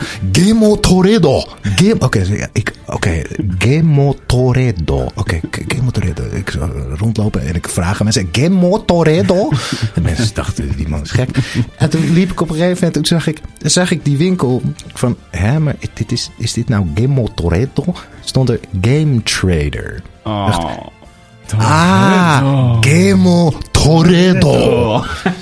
En daar heb ik toen echt een middag lang echt oude Sega Saturn games gekocht. Ja. En, en oude eh, vage shit die je niet in, in, in Nederland kon krijgen. En, en dus die Phoenix Wright trilogie. Vet, ja. Hele leuke games. eh, die zou ik wel aanraden. Ja, ik heb ze gekocht op de Switch, eh, maar ehm, nog geen niet tijd gehad. Nee, nog niet gespeeld. De, de eerste drie games geremasterd voor de Switch. Ah, vet. En dan ook een beetje 3D graphics. Volgens mij hebben ze niet heel veel aan de graphics gesleuteld. Gewoon meer ja, dat het eh, HD en eh, Oh ja, ja. voor deze tijd, zeg maar, voor de juiste beeldschermen, zeg maar, Oh ja. werkt. En ze zijn inderdaad alleen maar op de DS uitgekomen, toch? Want, of zijn ze ook op de Wii? Nee. Nee, nee, nee. het het was is echt echt, een zo'n eh, echt zo'n eh, pocketspel. is het. Sowieso leuk, want het was ook, het was ook echt een boekje eigenlijk. Ja, Dat, ja. Zo, zo benaderden ze het ook best wel. visual novel is het eigenlijk. ja, maar ook de DS zelf had best wel dat karakter. Van Ja, dat- ik vond het een mooi design. Ik had die eh, light versie, die was echt Oh heel erg mooi. Ik had echt de, de eerste, die zilveren, best wel heel lelijk. ja, eh, chunky was. ja, heel chunky, dikke boterham. Het, het ziet er bijna uit als een prototype eigenlijk, Ja. die eerste. Ik heb er wel veel op gespeeld. Ik, heb, eh, wat ik, ik ben echt heel erg slecht in, in wiskunde. Is altijd een groot probleem geweest voor mij op school. Mhm. Ehm, en ik had brain training. En Mhm. dat heb ik echt veel eh, gespeeld in die tijd. En dat heeft me echt, echt geholpen met hoofdrekenen. Want ik heb gewoon bijna een soort... Ik weet niet of je het soort van dyslexie... Maar dan voor, voor, cijfers. een beetje. Ik bedoel, het is niet Ja, zo extreem, ja, maar ja, ik, kan, ik, heb altijd, ik ben er altijd tegen aangelopen. Maar dat spel heeft me echt geholpen. Ik zat echt in de trein toen heel veel. ehm, eh, omdat ik dus in Tilburg studeerde. En daar heb ik echt wat aan gehad. En het was heel grappig, want je had ook bijvoorbeeld... één spel was dat er dan een, het woord bijvoorbeeld red stond in het blauw. Oh ja. En dan moest je dan blauw of blue zeggen. Dus dan moest je de kleur die het woord was, moest je zeggen. En niet de kleur eh, die geschreven stond. ja. En dan hadden ze een modus, waar, waar ik heel dankbaar voor was, dat je het toch eh, ook kon doen zonder dat je het hoefde te roepen. Maar ik weet dat ik soms zette die, die niet aan en zat ik echt in de trein. Red. Zo tegen die DS aan te fluisteren. Ja, Dus dachten ze echt mensen... Deze jongen. Een soort hele rare autist die... Ja. Red, blue. ja. Red, brown. Eh, red, brown. Red, Ja. brown. ja, precies. Maar dat doet Nintendo toch zo ontzettend goed. Ja. Dat ze het echt voor de massa... Ze, eh, ze hebben games echt een, eh, een gebruiksvoorwerp gemaakt. Ja, En dat is heel mooi van, van die tijd. Dat, de Nintendo fanbase splitste een beetje van wij willen een echte Zelda. Mhm. Dus, maar weet je, vanaf die tijd, de Xbox 360 was als je gewoon lekker Call of Duty online wilde knallen. Ja. En, en, en je had Wii Sports en brain training voor, voor, voor allerlei mensen van allerlei pluimage. zeker. Ja, het En, heeft echt eh, wel heel veel deuren geopend. Zeker, Ja. ja. En het werd ook gangbaarder om, om het over games te hebben, denk ik, dankzij de Wii. Alhoewel, nou ja, goed.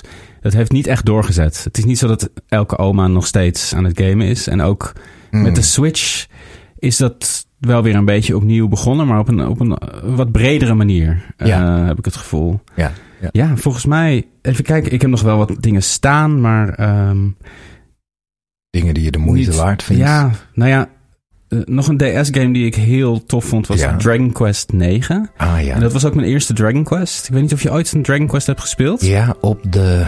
Hm, Ik heb op een Nintendo console. Het moet de Wii. Het moet de Wii Ja. zijn geweest. Dra- nee, op de PlayStation 2 heb ik Dragon Quest 8 Ach, gespeeld. oh ja. En daar stopte ik na een uur of 25 mee. Oké. Zeg maar, ik dacht, oké, ik snap de gameplay loop. Ja. Het, het boeit me niet zo Nee. veel. Maar ik snap heel erg de appeal, want ik hou eigenlijk wel van JRPG's. Ja, ja. Nou, deze vond ik echt geweldig. En eh, is alleen op de DS uitgekomen. Maar eh, en dat was, eh, want ik, vorige week had ik het over Golden Sun als eerste soort van JRPG. Dit was eigenlijk een beetje de tweede, de Oh, volgende ja. turn-based die ik speelde. En deze was hiermee eh, werd soort van mijn liefde voor het genre echt in de steen gezet, zeg maar. Echt, een, echt een hele mooie game. En sowieso Dragon Quest. Ik heb, ik heb er niet heel veel van gespeeld van de serie.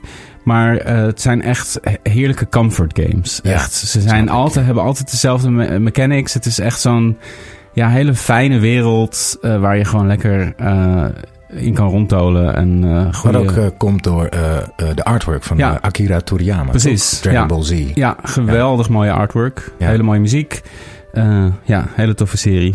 Het is inderdaad heel bijzonder. Ik heb dat met die RPG's eh, Skies of Arcadia. Het is Ah, ja. weer een generatietje terug. Mhm. Maar ook een heel bijzondere RPG. Waarin je een, eh, een piraat bent. En ik heb het idee dat Breath of the Wild... Dat er, er moet iemand in dat development team zijn geweest... Die die games hebben, die, die, die Skies of Arcadia heeft gespeeld. Dat ja, lijkt maar ik denk dat iedereen die... eh, ik denk dat ze allemaal geobsedeerd zijn met die games. Ja, die dat moet wel. Ja. Want toen waren zij ook jong, denk Ja. ik, die developers. Ja. En wat zo bijzonder is, is dat het is dus een uh, Skies of Arcadia een piratengame. Voor de Dreamcast. Voor de Dreamcast. Het is Ja. later een remaster op de, op de Gamecube gekomen. Wat wel heel lief is, want die is een beetje gecensureerd. Oh. Namelijk, want de piraten drinken de hele tijd een alcoholisch drankje. Dat heet dan, eh, ja, dat is een soort vodka. En een paar piraten, je wordt dronken en zo. Maar dan in de Gamecube versie is het eh, limonade. Daar Ah. hebben ze limonade van gemaakt. Ja. En ehm, die hele wereld is, het is een piratengame, maar dan niet in de zee, maar in de lucht. Dus zwevende eilanden, à la Tears. En dan vaar je, vlieg je met je schip. En wat zo vet is, het is niet open world, maar de, de, de game hub, zeg maar, die is open world. En als je dan, en dan zie je zo'n vaag klein symbolisch dingetje van een eiland, low poly. En dan kom je eraan en druk je op de knop en dan kom je aan in het eiland. Ja. En dan kan je dat exploren. Maar op een gegeven moment wat zo vet maakt in die game is dat je, je, je, je reist naar het westen. En op een gegeven moment reis je zo ver door naar het westen. Dat is een luchtruim waar nooit iemand is geweest, want heel veel tornado's. En dan kom je uiteindelijk aan in het oosten. Dus Oh, wauw. jij om, je, je bent een Je soort bent de hele wereld Columbus. rond- je bent de hele wereld rondgegaan. Wauw, dus het is een epic adventure waarin Ja. jij, de 17-jarige Vice, de luchtpiraat, gewoon de wereld ontdekt en in het oosten komt. En Ja. eh, dat is dan een soort Japanse wereld. En Wat, wat vet. heel ja. erg geweldig. Ja. Ja. Misschien moeten ze een keer een remake maken van Skies of Arcadia. Ja, dat, of ja, dat zou heel erg goed zijn. Dat is een goede game. Ja. Cool. Eh, heb jij nog meer? Eh, voor mij was dat bij ja, voor mij ook in grote lijnen. Ja, zeker. Ja, kijk, Ja. kijk, op de DS heb ik best wel heel veel gespeeld. Maar gewoon de, de standaard Mario Kart DS bijvoorbeeld vind ik echt een geweldige Mario Oh, die Kart. was goed, ja. Ja, die Dat was echt gespeeld. heel goed. Heel goed. Een van de. Samen met de Wii eh, Ja. Mario Kart, de beste. Die heb ik Ja. zoveel gespeeld. Echt geweldig. Beter dan de Switch-versies. De Switch-versies Ja. zien er geweldig uit. Ja, Maar een of andere ze manier... missen iets. Ja, vind ik ook. iets, ja, ja. Misschien zijn ze te gestroomlijnd. Te Misschien wel. makkelijk geworden. Ja, het voelt iets... Ja, ik weet niet of dat zo is. Misschien lijkt dat alleen maar zo. Maar misschien iets meer... Ja, nou ja, goed. Ik weet niet wat het is. Ik denk, nou ja, ik heb ook het gevoel dat in de Mario Kart DS, ik weet niet of dat echt zo is, maar ik had het gevoel dat er ook veel meer modus waren. Verschillende eh, eh, benaderingen van het racen. Dat je volgens mij meer items kon, moest gaan verzamelen en eh, meer side-achtige dingen. Dat vond ik volgens mij ook heel gaaf. Maar nu lul ik misschien uit mijn nek hoor. Ja, dat denk ik. Oké. Het speelde gewoon heel goed. Ja. En die drift mechanic, Ja, die, die, die, ehm, die was wat moeilijker. En als je tegen iemand speelde die dan automatic en jij kon goed manual, dan won je gewoon. En bij die nieuwe Mario maakt het eigenlijk niet zoveel uit. Hmm. Bij de nieuwe Mario Kart, Ja. volgens mij. Ik ga het wel even opzoeken hoor. Ja, welke modi? Ja, Ja. je hebt altijd die ballonnen mission. modus. Ja, je had een mission. Oh. Ja, dat je allemaal van die aparte opdrachtjes moest doen Ja, en zo. volgens mij vond ik dat ook heel vet. Ja, vet. Ja, goede game was Ja. dat. Ik heb het ook, eh, Mario Kart Wii, met mijn goede vriend Wouter, helemaal kapot gespeeld. We waren echt even goed. Het is zo lekker als je Ja. even goed bent in een spel. En dan Ja. tot schreeuwens toe. Ja, dan wordt het echt, dan wordt het echt strijden. Ja. Ja. Ja, en dan bedachten we ook altijd straffen voor elkaar. Oh, oké. Degene die, moet, die verliest. Wat, wat, was dan zo'n straf? Nou, als je dan, als de, de winnaar moest dan net bijvoorbeeld een ruft laten, dan moest Oh, je ja. die inademen. Of oh ja, dat soort lekkere dingen. dat soort dingen. Ik denk dat het tijd is om door te, Door te tuffen gaan, naar ja. de Xbox 360 en de PlayStation 3. hè? Hoe eh, kwam jij daar terecht? Ja, best wel laat eigenlijk. Mijn, de Xbox 360, ik had ook van allebei soort van de volgens mij de Slim. Nee, ik had een PlayStation 3 Slim. Die heb ik echt heel laat gekocht. Hmm. Eh, dat was in de tijd dat Hanna, mijn vriendin, kwam toen in Amsterdam wonen. Want ik heb haar ontmoet in Berlijn. Zij kwam naar Amsterdam. En zij zei van ja, jij moet Journey spelen. Je moet gewoon Journey spelen. Vet. En toen eh, had ik wat geld en liepen we langs de mediamarkt. En zei ik van, zullen we gewoon PlayStation 3 kopen? Toen zijn we naar binnen gelopen en hebben we PlayStation 3 Oh. gekocht. Ja. En Journey gespeeld. Mm. En dat is voor mij, ja, die game is ja, een van de beste games aller tijden wat mij betreft. Het is een game die zowel een absolute beginner echt kan laten zien wat games kunnen doen. Maar ook iemand die al zijn hele leven gamet echt kan vervoeren. Het is echt, eh, Ja, geweldig. ja, super mooi. Ben je nog steeds shots gewoon aan Journey? Bijvoorbeeld de eerste keer op een gegeven moment heb je zo'n soort glijbaan. de- Ja, alles is een glijbaan, maar dat je helemaal veel slide en dan poeh, kom je Ja. op een gegeven moment zo aan in zo'n zo'n put. En Ja, ook, precies, ik vond het ook zo erg dat er op een gegeven moment, je denkt er is geen fail state. En op een gegeven moment komen er dan toch monsters. En dat ergens vond ik het jammer, maar ergens ook wel heel mooi. Want het is letterlijk een journey van geboorte tot de dood. Dus op een gegeven moment kom je kindertijd. Hopelijk is je kindertijd heel eh, eh, Zorgeloos. zorgeloos. En op een gegeven moment komt er dan tegenstand. Ja. En eh, dingen die je moet overwinnen. En, Ja. en, en, moment als, al, ja, en dat je sterft op een gegeven moment. Ja. En dan je resurrection. Jesus Christ, wat een goede game. Ja, en ook in, wat is het, minder dan drie uur speel je Ja, uit. Ik heb ook vaak vrienden die dan bij mij waren dat ik zei van zullen we wat spelen en hier, dit moet je checken. En dan gewoon Ja, speel je die game even. helemaal doorspelen. En Geweldig. Toch een, een- ja, als een andere persoon weer de, de kamer uitstapte. Ja. De rivier uitstapte. Ja, ja, geweldig. Wat mij betreft de, van die generatie echt eh absolute top. Maar er was natuurlijk Ja. nog veel meer. Het is grappig, die generatie, PlayStation 3, Xbox 360, voelt eigenlijk als de generatie waar we nog steeds in zitten. In een bepaal, op een bepaalde Mm, manier. Ja. Eh, Er waren, werden zoveel dingen geïntroduceerd die nu nog steeds de standaard zijn. Eh, Ja. Bijvoorbeeld ook, ook dat je games downloaden. Weet je wel, dat je een soort van online store had. Eh, de controllers zijn eigenlijk niet zo gek veel veranderd sinds die tijd. Nee. Dat is... Dat gevoel heb ik een beetje. Dat dat eigenlijk... Dat is ook zo, ja. Ja. Je, had, je had een grote leap tussen 16 en 32 bit. 2D naar 3D. En daarna de grote leap was eigenlijk, eigenlijk de generatie daarna. Er is heel veel gebeurd van PlayStation 2 naar 3. Ja, Ik weet nog dat ik... eh, ik kwam dus door de Wii en de DS weer echt into gaming. Maar daardoor kreeg ik ook weer heel erg honger. Want ik vond de Wii wel vrij beperkt voor de hardcore gamer. Mhm.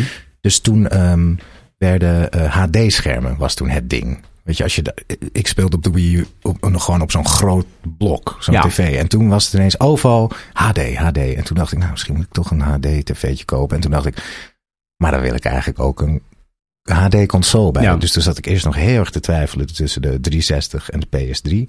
Ik weet niet waarom ik uiteindelijk nou een PS3 koos. Ja, toch omdat ik meer met Sony Ja. had. Dus dat was mijn aankoop. Ik had zo'n zo'n scherm en een PlayStation 3.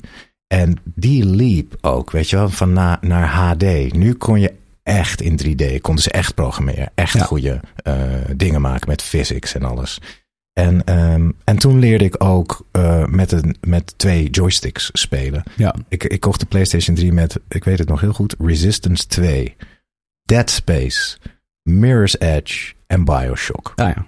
Eh, allemaal games waarbij je die rechterstick moest gebruiken. En dat, Ja. het kostte mij die vier games Mm. om dat echt onder de knie te krijgen. Ja. En nu is het second nature geworden. Ja, Maar dat vond ik in het begin zo moeilijk. ja, ja. Ja, zeker. En de game, de slide onder een dichtgaande ding Ja, precies. Mirror's Edge. Mirror's Edge. Ah ja, je Ja, die heb ik nooit gespeeld. Nee, nee. Oh, heel mooi. Zet dan nu even het main muziekje Ja, eronder. zal ik doen. een soort, een soort eh, ja, Enya-achtige futuristische soundtrack. Hell ja. En het is ehm, best wel geflopt. Maar het Ja. was echt een bijzondere... Het was ook een tijd waar je nog best wel veel risico's werd genomen. Ja, en het is grappig, want zowel, sorry, maar eh, Mirror's Edge en Dead Space zijn allebei uitgebracht door EA. EA, ja. Ja. En dat was een soort... eh, ik denk dat er dan iemand bij EA eh, aan het hoofd stond. Die zei, we moeten weer meer artistieke games Ja. maken. Want de EA was toch een beetje voor de, ja, de FIFA-mensen. En, en een beetje... beetje. En toen kwamen ineens twee echt hele goede games uit. Dead Space en Mirror's Edge. Met name Mirror's Edge.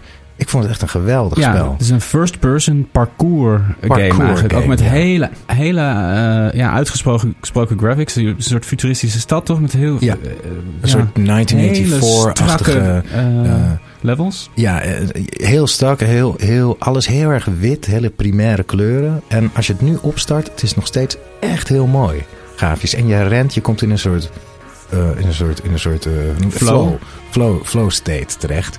Wat het soms ook frustrerend maakte. Want als je dan net een ding niet haalde, dan, eh, dan stond je weer stil. Ja. Maar de muziek en alles, en het, het heeft het niet zo goed gedaan, die game volgens mij. Deel 2 heeft het ook niet goed gedaan. Nee. Die vond ik ook niet zo goed. Maar Die- deel 1, dat is nog maar een paar jaar geleden dat hij uitkwam, volgens mij. Of, 2017 Oh, echt dacht zo? ik. Ja, ja het, gaat snel, het gaat steeds sneller. Dat viel me ook op aan, zeg maar, de recap van al deze games die we ons leven hebben gespeeld. Hmm. Dat ik, ik ging zo in mijn trophy list kijken, wat heb ik nou allemaal gespeeld? En op de PS5 zie je alles vanaf de PS3 dan Oh ja. staan. Dat is wel te gek. En ik heb steeds meer games gespeeld, maar steeds minder tijd per game besteed. Ja. Dus even iets opstarten. oh, dus de herinneringen van vroeger zijn gewoon, ja, dat, dat hoort gewoon bij je jeugd. Ja. Veel intenser. Ja, ja. Dan, dan speelde je een spel helemaal binnenste buiten, achterste voren. Dus eh, dat vond ik ook wel interessant. Dat het, het, wordt- het worden steeds minder intense ervaringen. ja, dat is waar. Ja, ja. Dat is ouder worden. Toch? Dat is ouder worden. Ja. Jesus Christ. Ja, Toch blijven we doorgaan. We blijven doorgaan. Blijven doorgamen. Ja, Ehm, ja, ja, nee, nou ja, ja eh, zeker. Nou ja, eh, PlayStation 3 was voor mij ook, eh, ja, goed voor jou ook waarschijnlijk Uncharted en The Last of Us. Ja, Ook absolute mijlpalen, ook weer. totaal, totaal. ook zo'n grappige tegenhanger van zo'n Journey. Wat, en dat is ook wel de echte PS3, vind ik. Eh, best wel heel breed scala, sowieso. Heel- ja. Eh, die, die generatie, maar de PlayStation 3 helemaal. Eh, goed, ja, Uncharted en The Last of Us van Naughty Dog. ja, nu een... een of, dat was het toen ook al, een legendarische studio eigenlijk. Al Ja. toen Uncharted 1 uitkwam, denk ik, was dat, eh, was dat al gevestigd. Eh, maar dat zijn allemaal briljante games die ook Ja. eh, heel veel niet-gamers hebben, hebben kunnen laten zien dat er toch wel meer in zat. Alhoewel, met Uncharted, vooral Uncharted, heb ik ook wel echt een beetje een probleem gehad dat het. Eh, dat er wel een heel grote eh, ja, dissonantie zit tussen de eh, cutscenes en de, de gameplay. Dat Ja. je gewoon 40 dudes doodschiet die verder geen naam hebben. Die gewoon ergens in de jungle blijkbaar bad Ja. guys zijn. Die gewoon in je Ja. weg staan. En ze allemaal op gruwelijke wijze om het leven brengt. En dan daarna heb je een hele cute, eh, cute onderrondje met je buddy, weet je wel. Eh, ja, ja. Dat, dat was in die game wel een beetje van... Dat merk je wel, ook, omdat ik het wel eens met, met mijn peetkindje speel. Die heeft het ook een beetje opgegeven. Die, Oh, ja. die wordt er niet zo door. En ik zei, ik zei laatst van, ah, je moet eigenlijk bij twee beginnen. Maar misschien is het, het is toch wel erg verouderd. Het, Ja. het werkt ook echt beter op very easy. Nou ja, precies. Want dan is het gewoon, en dat hebben ze echt geneeld met The Last of Us. Dat elke encounter is echt het gevoel, oh, ik vecht met deze Ja. persoon die een leven heeft en Ja. angst heeft en ook niet dood wil gaan, net als ik. Echt een doodstrijd vecht Ja. je uit. Ja, Dat precies. hebben ze heel goed gedaan ja, The Last of Us. ja, zeker. En, ehm, en het is de generatie ook waarin, weet je wel, eh, eh, het geschrevene in games, scripts en artwork is altijd belangrijk geweest. Ehm, maar zoals in Silent Hill 2 of zo Mhm. op de PS2.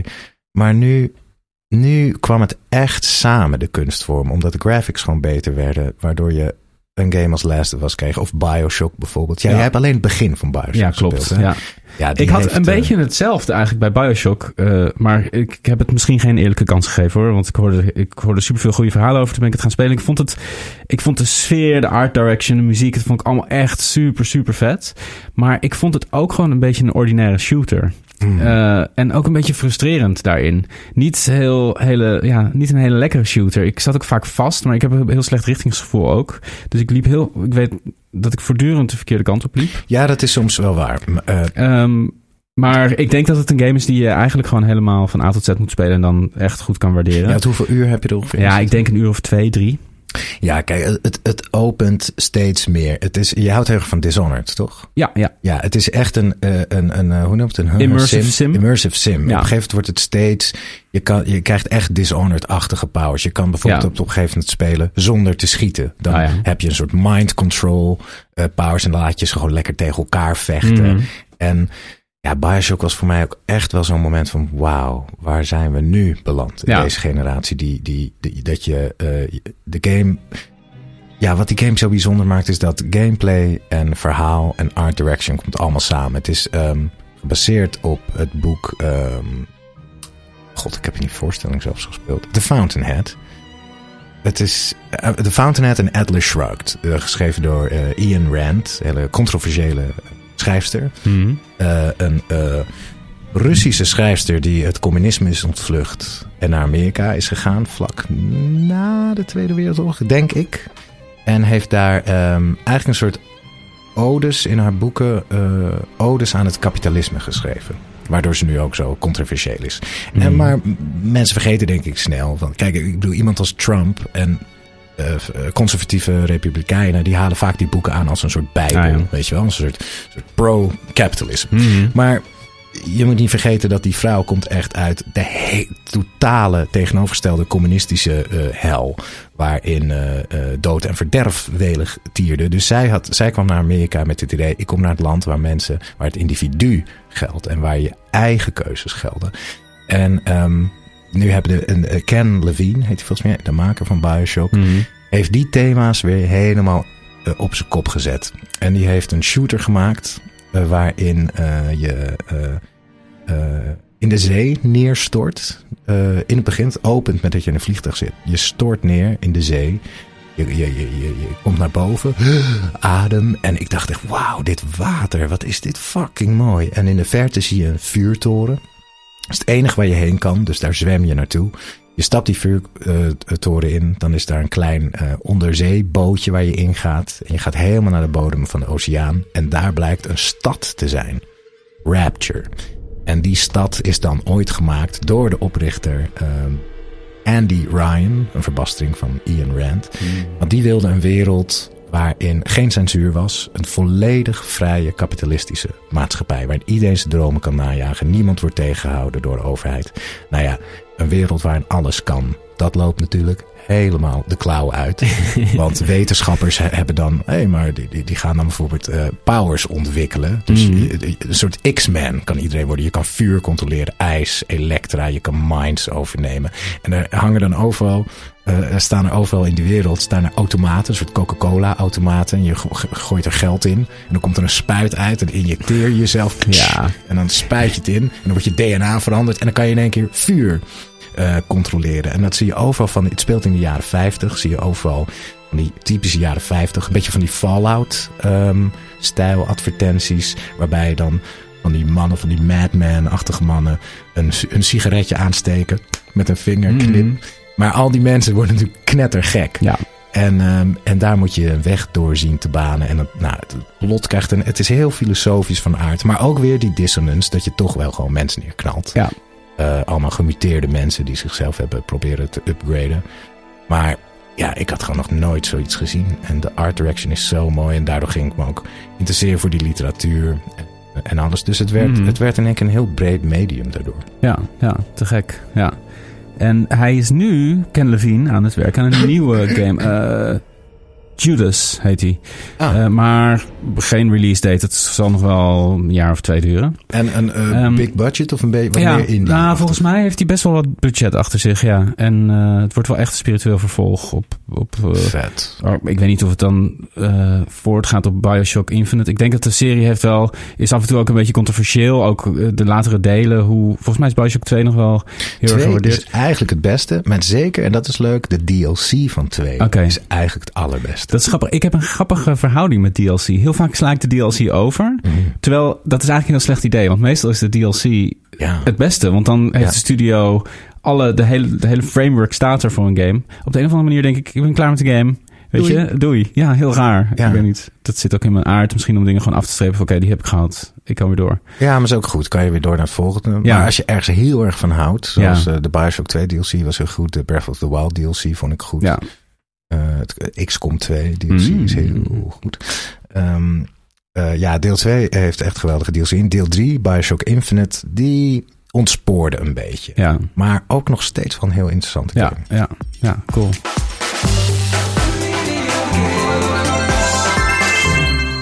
Kom jij weer eens met een leuke... Ja, ik, ik, nou ja, je, je zei net Fallout. Ik ging sowieso Fallout, aan ja. Fallout denken. Ik vind de, Ah ja. want setting, je hebt nooit Fallout echt eh, een beetje, hè? Ik heb Fallout 3 15 uur gespeeld. Ja. En toen ging ik, ehm, ik ging, eh, ik dacht gewoon, ik ga een kant op. ik, ik hield me niet echt aan de main quest. Mhm. En ik vergat volgens mij te saven. Oh. En autosave, de, ik had de PlayStation 3 versie, die was heel erg wonky. Ja. Heel erg weird. En toen ging ik dood en toen moest ik gewoon, het was gewoon Oh. vijf uur progress. ja, dat weg. is killing. En toen dacht ik, nee, Ja, nee. ermee. Ja, begrijp ik heel goed. Ja. ja, dat is killing. Ja, toch echt. Ik denk misschien, ja, het is echt wel een van mijn favoriete series, de Fallout-serie. Mhm. Het is ook problematisch. eh, games die vaak uitkomen, inderdaad, wat je zegt met heel veel bugs. Eh, daar staat Bethesda, de studio, ook wel bekend om. Dat hun games vaak heel buggy zijn als ze uitkomen. En vaak nog steeds. Ook omdat het games zijn waarin systeem op systeem op systeem op systeem wordt ge- gestapeld. Je kan bijvoorbeeld elk object oppakken. Wat in zo'n Ja. enorme game ja, heel veel vraagt van de hardware. En het is niet alleen oppakken, maar als je iets verplaatst... liggen. Ja, precies. Ja. En je kan met iedereen praten en dan heb je bepaalde keuzes die dan weer effect hebben op... Bijvoorbeeld je praat met iemand die in een bar werkt en je beledigt diegene door te zeggen dat ze een lelijke bril op hebben, bijvoorbeeld. Dat is dan een van de opties die je kan zeggen. Ja. Dan onthoudt diegene dat. Maar ook de mensen om diegene heen onthouden, weten dat jij dat hebt gezegd. Dus die denken van, oh, diegene dat is iemand die we een Die beetje in de gaten... Frits eh, bril lelijk. Precies. En zo, eh, eh, ja, en dat, dat Ja, ja, ja. snowballt Ja. alle kanten op. En uiteindelijk heb je een soort van volgroeid character dat echt in de wereld een, een plek inneemt. Nou, eh, is het, ja, het is natuurlijk niet 100% roleplaying zoals je dat in, in Dungeons Dragons misschien kan doen, maar het is wel ja, daar heel dichtbij. En dat proberen ze wel echt eh, je te geven. Dat je gewoon een character, je kan ook gewoon echt je character helemaal vormgeven. De game opent, het verschilt een beetje per game. Wat ik heel tof vond, Fallout 3 opent, dan ben je baby. Ja. Eh, en de tutorial is ook echt, je begint echt in een Dat soort leuk, box. ja. En Ja. dan kan je alleen maar kruipen. Met maar dan leer je wel van, ja precies. Liam Liam Neeson als je papa. Precies. Eh, dan leer je wel een beetje de controls te kennen. Die, de, bijvoorbeeld van moet je een bal pakken en dan moet je de deur van de pen van de box openmaken. En dan ben je 16 en dan krijg je je eerste gun, weet je wel. En dan moet je, want je groeit op in een vault. Ja, je wordt ook Dus gepest, toch? Ja, toch? ja, een zeker. pestkopje. Ja, en de setting, eh, dus het is ook een soort van alternatieve versie van de jaren 50. Het is eigenlijk, de wereld eh, heeft kernenergie omarmd. En alles is helemaal een 50-stijl. Dus, maar mensen hebben dan robots die op kernenergie draaien. En alle auto's Heerlijk. die zweven. En, Ja. eh, maar ondertussen is het ook echt 100% jaren 50 met grote jurken. En inderdaad Madman-achtige mannen. En, en heel veel brands. Dus je hebt eh, Nuka-Cola en Ja, allerlei... zo nog de, de romantiek van het eh, eerste kapitalisme. Precies, Van, die, van ja. die reclames. Dat wer- werkt goed. Het was in die tijd heel veel, die ja, setting. Ja, dat is ook een ja, hele goede, Aantrekkelijk, goede ja. setting. En de muziek is ook heel goed. Dus er, er zit gewoon heel veel muziek in. Je hebt een soort, ja, een Pip-Boy heet het. Dat is een soort hele dikke, grote smartwatch eigenlijk. maar dan echt kolossaal. Een soort CRT-tv op je arm. En daar heb je een radio in met verschillende zenders. En dat is allemaal gewoon echt originele jaren 50 muziek. Dus je loopt... En eh, wat er dus met, met de wereld is gebeurd... is dat er een enorme atoombom is afgegaan in Amerika. En... eh, eh, de hele wereld is eigenlijk vergaan, een soort wasteland geworden. Eh, en jij bent een van de overlevers, want er werden vaults gebouwd door Vault Tech, een groot bedrijf, wat eh, Mhm. een soort van ondergrondse kelders bouwde die bestand waren tegen nucleaire eh, ongelukken. En eh, da- daar eigenlijk alle mensen die overleefd hebben, die komen uit die vaults. Eh, en dan heb je ook nog wel wat overlevers die echt heel zwaar aangetast zijn door de radiatie. Dat zijn dan, eh, hoe heet ze nou? Ja, een soort mutants, toch? Ja, ja, nou je hebt supermutants. Dat zijn een soort van super, super grote mensen. Je hebt, oh my god. Nou ja, doet er niet toe. Ik, Het doet er wel toe, hè? Het doet er wel toe, ja. ja. ja, whatever. Ja, hoe heet maar goed, er, er zijn dus twee Fallout games op de Xbox 360 eh, uitgekomen die ik helemaal kapot heb gespeeld. Eh, Fallout 3 en Fallout New Vegas. Eh, allebei echt, echt waanzinnig goed. Heel, hele, hele toffe games. Ja, het is een Xbox 360 en een PS3. Ja, maar die PS3 heb ik dus heel laat eigenlijk pas Oh, gekocht. ja, ja. De Xbox 360 was eigenlijk echt mijn console op deze console. generatie. Ja, ja. Ook GTA 4, GTA 5. Ja, we vergeten. GTA 4, wat, nu je het hebt over game soundtracks. Eh, GTA 4 is, is echt heel erg belangrijk geweest qua eh, muziek. En ook de Mm. muzieksmaak van zijn publiek Ja. bepalend. En het is echt, het was een so- soort eerste Spotify-listje waar je, als je, heel veel artiesten zijn, eh, hebben heel, veel, heel erg aan populariteit eh, gewonnen door GTA. Ik hoorde bijvoorbeeld eerst Kendrick Lamar in GTA 4. Ja. En ik, ik denk ook heel veel mensen hebben Chad Baker leren kennen. Mhm. Eh, Let's Get Lost was daar de soundtrack. Ja, Miste ik heel erg in GTA 5. Een Ja. Dedicated Jazz. Jazz Zeker. eh, channel. ja, suf. Ja. Ja, heel jammer. Dat vond ik zo fijn. En Ja.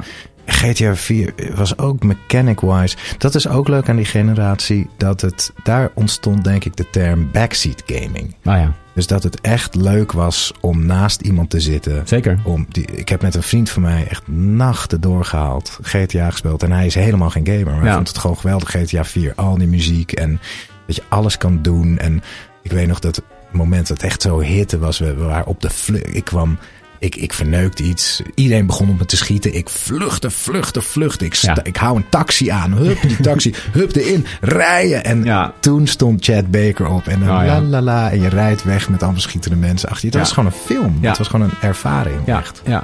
En dan dat hele traject daar naartoe. En het doel wat je had, wat dan compleet misgaat. En dan één fout die je maakt of een verkeerd schot. En hoe, hoe de handel dan compleet naar de tering kan gaan. Dat is echt, Ja, echt dat is waanzinnig. ook iets wat daar Ja. ontstond. Een, eigenlijk een nieuwe uh, failstates werden Ja. interessant. Ja, Eerst was het Mario valt in een gat. dood, je, hebt het, je doet het goed of fout. Ja. Maar er kwam een soort, er ontstond door, en dat kon door de mechanics die ontstonden. Ja, en de technische vaardigheid van die machines die was gewoon groter. Dus ze konden meer Ja, opties geven. wat Assassin's Creed ook heel mooi, mooi doet. Je valt van een dak, je bent niet meer dood, zoals Mario. Je staat ineens op het marktplein en iedereen om je heen. Wat gebeurt hier? En Precies. red je er maar uit. Ja, ja. Dat is het allertofste. Ja, super vet. Ja, ja. Nou ja, eh, eh, over, over eh, GTA 6 weten we niet zoveel. Die, die Mm. is nog in ontwikkeling. Maar Ja. de volgende game van Bethesda, van de makers van Fallout, komt volgende maand uit. Volgende maand al. Eh, nee, september. Wat? Starfield. Starfield, ja, Ja. ik ben even helemaal in de war. Maar eh, komt in september uit, dus over twee maandjes. Ja. En is er al een nieuwe Fallout aange- aangekondigd? Nee, nee. Want ze gaan eerst nog een nieuwe Elder Scrolls Oh, maken. Elder Scrolls, ja. het vervolg op Skyrim. En daarna pas een Fallout. Dus dat zal dat is minstens nog tien jaar. Oh, Je- Jesus. Ja. Ja. Het is wel echt iets waar ik me in wil verdiepen in Fallout. Ik denk dat het heeft alle ingre- ingrediënten die ik Ja. vet vind. Ik denk dat het echt niet zo gek is om met Fallout 4 te beginnen. Eh, Fallout 4 Mhm. heeft veel kritiek gekregen, maar ik, die oude die zijn qua graphics ook wel echt wel een beetje verouderd. En ik vond Fallout 4 ook echt heel, heel vet. Ik denk dat het best een goed begin is. Mm, combat is toch, eh, je, je, je komt in een soort bullet time Ja, modus dat- dat, je ja. dan kan kiezen. Vets heet Dat dat. is Dus, vet, eh, je kan ook gewoon, gewoon shooter-stijl schieten. Eh, het hoeft niet alleen maar vets, maar je kan de rechter bumper indrukken en dan staat de tijd stil. En dan afhankelijk van je skills en hoe ver je staat van de vijand, kan je eh, verschillende lichaamsdelen Oh, kiezen ja. om die te schieten. Die zijn een percentage-based. Precies. toch? Ja, daar ook heel erg Ja, van. en dan tijd is extreem vertraagd. Dus eh, Maar hij loopt wel langzaam heel langzaam, maar echt, echt super. Oh, dat vind ik geweldig. Dat vind ik Ja. ook zo lekker in... ehm heeft Breath of the Wild dat nou ook als je... Nee, dat, dan stopt het gewoon. Hè, als, Als je je, als je lucht- wapen kiest. Ja, Oh. als je je wapen select of een schild Oh ja, select. ja, dan stopt de tijd echt. Maar bullet time in games is toch wel... Ja, super vet. Max. Payne en eh, ja. ja, maar goed. Ik, heb, ik, ik zat... eh, eh, heb jij nog eh, een game? Want ik, ik, ik heb dus een lijstje voor me uit die generatie. Het zijn Nou, ik zo ontzettend ik heb er veel. ook zo ontzettend veel. Het is bijna niet. Oh ja, om niet- even een, bruggetje naar bullet time. Heb je Vanquish gespeeld? Nee. Weet, weet je wel, ken je Ja, hem? ja. Vanquish? Ja, een game van Mikami. Resident Evil 4. ehm, wat de Evil, eh, The Evil Within. Legendarische Capcom developer.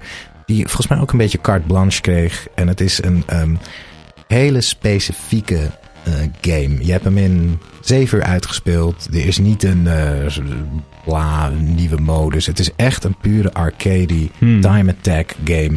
Het is een third-person game. eh, compleet robot, Japans hysterie. Maar wat zo vet is, is dat je je- je metertje laat op, je bullet time metertje. En dan kan je, heb je een slide mechanic, dat je op je knietjes zo, zo slide. En dan kan je Mhm. slow-mo, bam, bam, bom, Mm. bom, bom. Iedereen om je heen eh, neerknallen.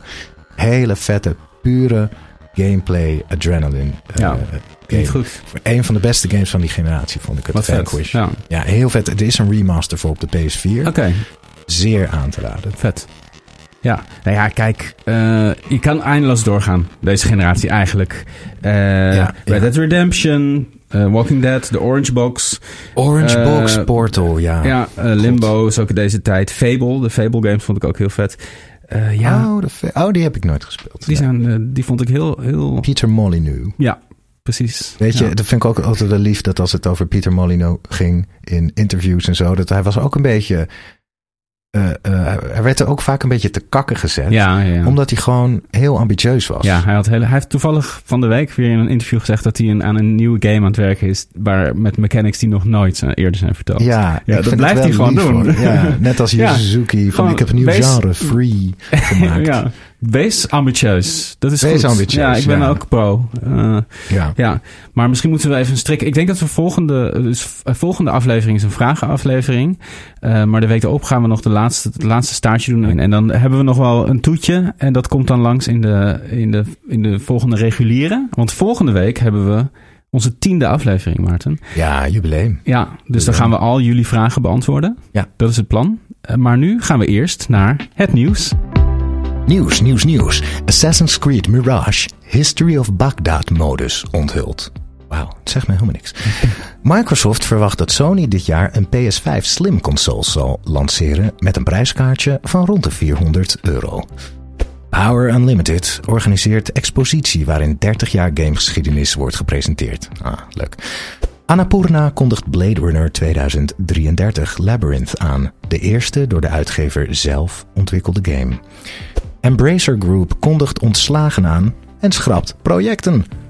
Goudvis genaamd Tortellini verslaat Melania in Elden Ring. Is dit echt waar? Ja, dat is echt waar. Eh. Dit was het nieuws. Eh, Assassin's Creed Mirage History. Dit doe ik vooral omdat ik, eh, omdat ik dit een hele toffe modus vind altijd in de nieuwere Assassin's Creed games. Mhm. De History of Baghdad modus heet het hier. Het Discovery modus heette het volgens mij in Origins en Odyssey en Valhalla. Waarin je dus, je hebt helemaal geen combat. Je loopt gewoon rond door de wereld en je wordt af en toe door een tourguide, eh, wordt er iets verteld over wat er om je heen eh, te zien Oh, is. echt door een digitale? Eh, nee, nee, door een voice-over. Dus je loopt naar een plek, dan activeer je die voice-over en dan hoor je van, zoals je kan zien, de details hier. Oh, wat en leuk. dat zit er allemaal in. En het is ook echt een hele goede game voor niet-gamers eigenlijk. Ja. Ehm, want je loopt gewoon rond en je wordt niet aangevallen. Geen je bent, wat nee, leuk. Gewoon Ja. virtual tourism. Precies, ja. En omdat die werelden met heel veel zorg en heel veel ja, historisch besef zeg maar, in elkaar gedraaid zijn, zo realistisch mogelijk proberen ze dat dan te doen, is dat echt super interessant. En kan je echt, Leuk. voel je je echt een beetje toerist. En eh, dat gaan ze nu. En Mirage speelt dus in Bagdad. Dus het is echt in een stad. Dat vind ik ook heel tof, want de meeste Assassin's Creed zijn meer ja, wat uitgestrekter. Er zijn altijd wel steden, maar ehm, dit is dan ja. heel erg compressed. Dat vind Back ik heel to tof. basic vind ik heel fijn dat Ja. ze dat doen. Dus, En eh, eh, sinds wanneer, sinds welke Assassin's Creed City modus eh, Origins, dus de eerste in de, in de nieuwere serie. Dus Ah, ik moet Oranges echt gaan spelen. ja. Ja, en ik denk, ik, ik wil die Griek, ik hou heel erg van de Griekse. ja, dan moet je misschien gewoon met. Odyssey beginnen. Ja, Ja, met de tweede. Ja.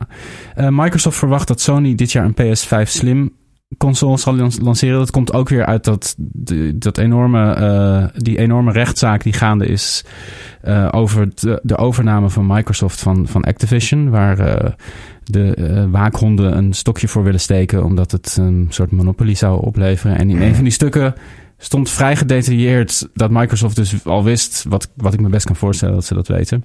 Dat Sony dit jaar met een, met een PS5 Slim komt. Eh, wat ook niet zo gek zou zijn, want het is normaal gesproken na drie jaar. En dat is nu drie jaar zijn de zijn elke de nieuwe- generatie. Ja. Ja, Dus eh, ik zie het wel zitten, want ik, Ja. ja. ja, dus dan wacht ik toch ja nog man. Ja. Ja. en heel veel het, eh, mensen hebben toch moeite met het uiterlijk van de OG PS5. ja. Ik vind hem prachtig, maar Ja. eh, ja, eh, more PlayStation is the better. It's true, it's true. Ja. Eh, Power Limited eh, komt met een expositie over gaming. Ja, vond ik wel tof in oktober. Heel leuk, waar Ja. is dat? Eh, ga- game en geluid. Beeld en geluid. Game en geluid. Nog een paar jaar in het heet game en geluid. Zeker. Beeld en geluid in, in Hilversum. In Hilversum. En dus in, volgens mij begin oktober. Het is vrij kort, maar drie weken volgens mij. Dus, maar Wat leuk. Oh, daar Ja. moeten we heen. gaan we heen. Daar moeten we heen. Ik ben ooit in Londen in de Barbican. Was eh, twintig jaar geleden ook een expositie over games. En toen voelde ik me heel serieus Ja. genomen als 18-jarige toen ik daar was. En wat, want dat was echt in een museumsetting. Ja, dus dan stond er zo'n Mega Drive met Sonic. En dan stond er zo'n museumbordje Ja, naast. vet. Met de cultural significance. Ja, En dan kon je al- alles spelen. Dus ik, eh, ik ben heel erg benieuwd hoe dat eh, gaat zijn. Dat Ja. goed gedaan voor Power Limit. ja. Tof. Eh Annapurna is een hele toffe eh, uitgever van games. Eh, onder andere What Remains of Edith Finch, Donut County, Kentucky Route Zero. Hele toffe games. Echt een soort van, ja, premium, best wel verhalende, eigenzinnige indie games. Die altijd echt, als zij het uitbrengen, is het eigenlijk altijd goed. Ja, geweldig. Uh, hele toffe uh, uitgever. Maar nu gaan ze dus voor het eerst zelf een game maken. En dat wordt een Blade Runner Wow. uh, adventure game. Uh, en ik heb in de jaren negentig een hele toffe Blade Runner adventure gespeeld. Point and click. Hele, hele, hele vette... Wat een vette ja, game heb was je die ook dat. gespeeld? Die heb ja. ik ook gespeeld. Die Ja. heb ik kapot ja, gespeeld. zo'n geweldige sfeer. De eerste PC-game. Ja, die hebben we destijds, die hebben we, wat is het, twee weken geleden helemaal niet besproken. Maar dat, ja, die had er ook best tussen gekund. Maar goed, Ja. en volgens mij, ik heb het gevoel dat het een beetje het spiritueel vervolg op die game wordt. Ik dus hoop ook, eh, dat is wat ik, maar ze hebben alleen maar het logo laten zien. Dus Ik ken Blade Runner echt door die game. Pas later Ja. ben ik de film gaan Hetzelfde, zien. En het is ja. zo goed gedaan. Met zoveel respect voor de film. Westwood, nee, Westwood het? Studios. hè? ja, iets ja. met Red. Ook iets met Red. Eh, ehm, nou, zij hebben Red Alert, of hebben zij niet uh, Ja. Command Conquer Command gemaakt? Conquer ja, Red precies. Alert. Ja, ook nou, een geweldig game. Zeker, ja. Ehm, Embracer Group kondigt ontslagen aan en schrapt projecten. Dat is een, echt een, een treurig bericht. Maar Embracer Group is dus een, eh, een- volgens mij een Zweedse investeringsclub met een miljardair aan het hoofd die heel Ja. erg van games houdt. Hij heeft ook het doel om alle games, alle fysieke games Zweeds ooit te te, te verzamelen. Volgens mij is het Zweeds, maar ik weet niet zeker. En sowieso alles te verta- vertalen naar het Zweeds. Ja. Ja, ja. Welke game dan ook. Maar hij, zij hebben heel veel studio's opgekocht vorig jaar. Echt tientallen. Onder andere de makers van Saints Row, Duke Nukem, Borderlands, Valheim, eh, ook eh, Tomb Raider. Eh, en ze hebben de rechten van Lord of the Rings. Ze zijn gewoon, die gast heeft gewoon gedacht, ik ga alles kopen wat ik kan. En dan word ik een super, dan krijgen, hebben wij een geweldig groot bedrijf met allerlei, allemaal games. Heel veel van die games zijn geflopt of het zijn sowieso een beetje double-A games meer. Dus het heeft, een- is een beetje tegengevallen tot nu toe. Ook en een games, beetje raar. Is het Ja. niet een totale narcistische psychopaat? nou ja, dat, Of is hij echt een liefhebber? Ah, ja, kijk, Allebei als je misschien. miljardair bent, dan moet je, moet er wel iets mis zijn in je hoofd. Ja. Dat denk ik altijd. dat denk ik ook. Eh, het is altijd moeilijk Ja. te zeggen, maar het is, ja, het is ook gewoon investeren en denken in geld. En waarschijnlijk dacht hij van, dan worden we op een gegeven moment zo groot dat er dan weer nog een grotere vis komt die ons dan weer opkoopt. En dan ben ik nog rijker. Zoiets. Maar goed, ze zouden een, een, een enorme studio gaan opkopen. Een 2 miljard volgens mij eh, deal die niet door is gegaan. Het is onduidelijk welke welke ontwikkelaar of studio of uitgever dat dan was. Maar daardoor is hun aandeel enorm gekelderd. En nu zijn ze dus heel veel van die studio's die zij hebben gekocht afgelopen jaar... allemaal aan het afkalven en gezegd... ja, we moeten 80% van jullie ontslaan. Eh, Wat shit, hij ja. heeft dus eigenlijk al die studio's verneukt. Ja, ja. en dat, ja, dat gebeurt. Eh, En hebben zij toevallig ook de developer van eh, Disco Elysium opgekocht? Want daar is ook zoiets Ja, gebeurd. klopt. Die, die is gedisband. Volgens mij niet, maar dat is ook een, daar is trouwens een hele toffe documentaire over gemaakt... die een paar weken geleden is uitgekomen. Over Disco Elysium? Ja, ja. Oh, vet. Volgens mij van de. Het staat gewoon op YouTube. En ik heb hem nog niet kunnen zien. Eh, People Make Games. Dat is het YouTube-kanaal. En dat is echt een serieus gemaakte documentaire. Over vijf jaar of zo hebben ze die ontwikkelaars en alle kanten Oh, van het verhaal. Oh, Ja. Dat moet ik zien. ja. Moet ik zien. Ehm, nou, dus van treurig nieuws eh, eh, over kapitalisme naar eh, ja, toch positief nieuws over de nieuws. Tortellini. De goudvis heeft de eerste fase van Melania. Oh, de eerste. ja, de eerste fase. Maar toch, op eigen kracht een goudvis. Ehm, maar wacht, hoe is dit ja. gegaan? Nou, er is dus een streamer of een YouTuber. en die heeft. Het, het, het- ik heb al eerder een keer op Twitch wel eens gevolgd. Twi eh, Fish Plays Pokémon. Mhm, wat, wat je dan doet, je hebt een eh, aquarium. mhm, En daarop eh, programmeer je alle controls. mhm, En als die vis in een bepaald stukje van het aquarium zwemt, mhm, dan wordt die knop ingedrukt. Eh, en dat, ja, het is dus compleet random. Die vis die zwemt Ja, gewoon precies. rond. En als hij precies op het goede knopje, op het goede moment. Maar het was wel mooi. Ik heb echt een- een- bijna ja, één minuut daarvan gezien. Maar hij hielde ook tussendoor even. En toen ging hij me toch weer verder slaan. Maar het is dus niet als een chimpansee die je kan leren Nee. schilderen. Het Die is vis- niet bewust. nee, het is, is gewoon, gewoon- random. Heeft die vis precies, is die vis Ja. precies op het goede plekje eh, gaan, gaan zwemmen. Zodat, de, ja, zodat hij precies op het goede moment... eh, maar toch, de eerste fase van Melania. Hey, ja, Malenia, Beter dan ik de eerste keer toen ik deed. Maar wa- wa- wat, ik altijd heel wonderlijk vind aan dit soort verhalen is... Kijk, die vis heeft geen idee. Nee. Die zwemt gewoon. Nee. Maar Ja. kennelijk is er dus een wereld buiten die vis... waarin er is een game gemaakt. Wat Ja. de fuck is een game? Dat Ja. concept. Melania, een van de moeilijkste bazen van de laatste tijd... die heeft u verslagen. Ja. Als dat bij een vis kan gebeuren...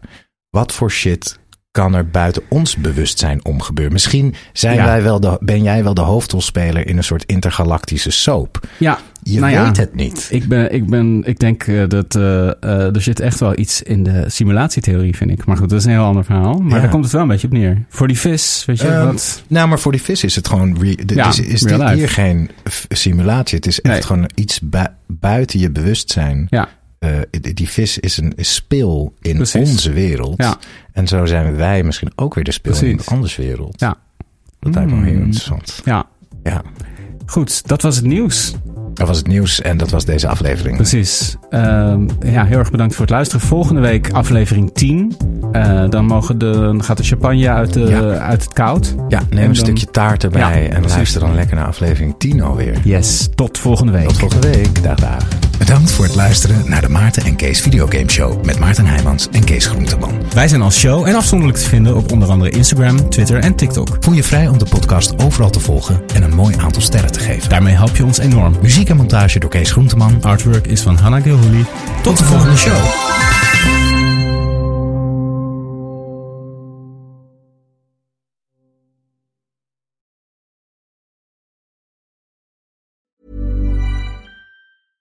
Even when we're on a budget, we still deserve nice things. Quince is a place to scoop up stunning high-end goods for 50 to 80% less than similar brands. They have buttery soft cashmere sweaters starting at $50, luxurious Italian leather bags, and so much more. Plus, Quince only works with factories that use safe, ethical, and responsible manufacturing. Get the high-end goods you'll love without the high price tag with Quince.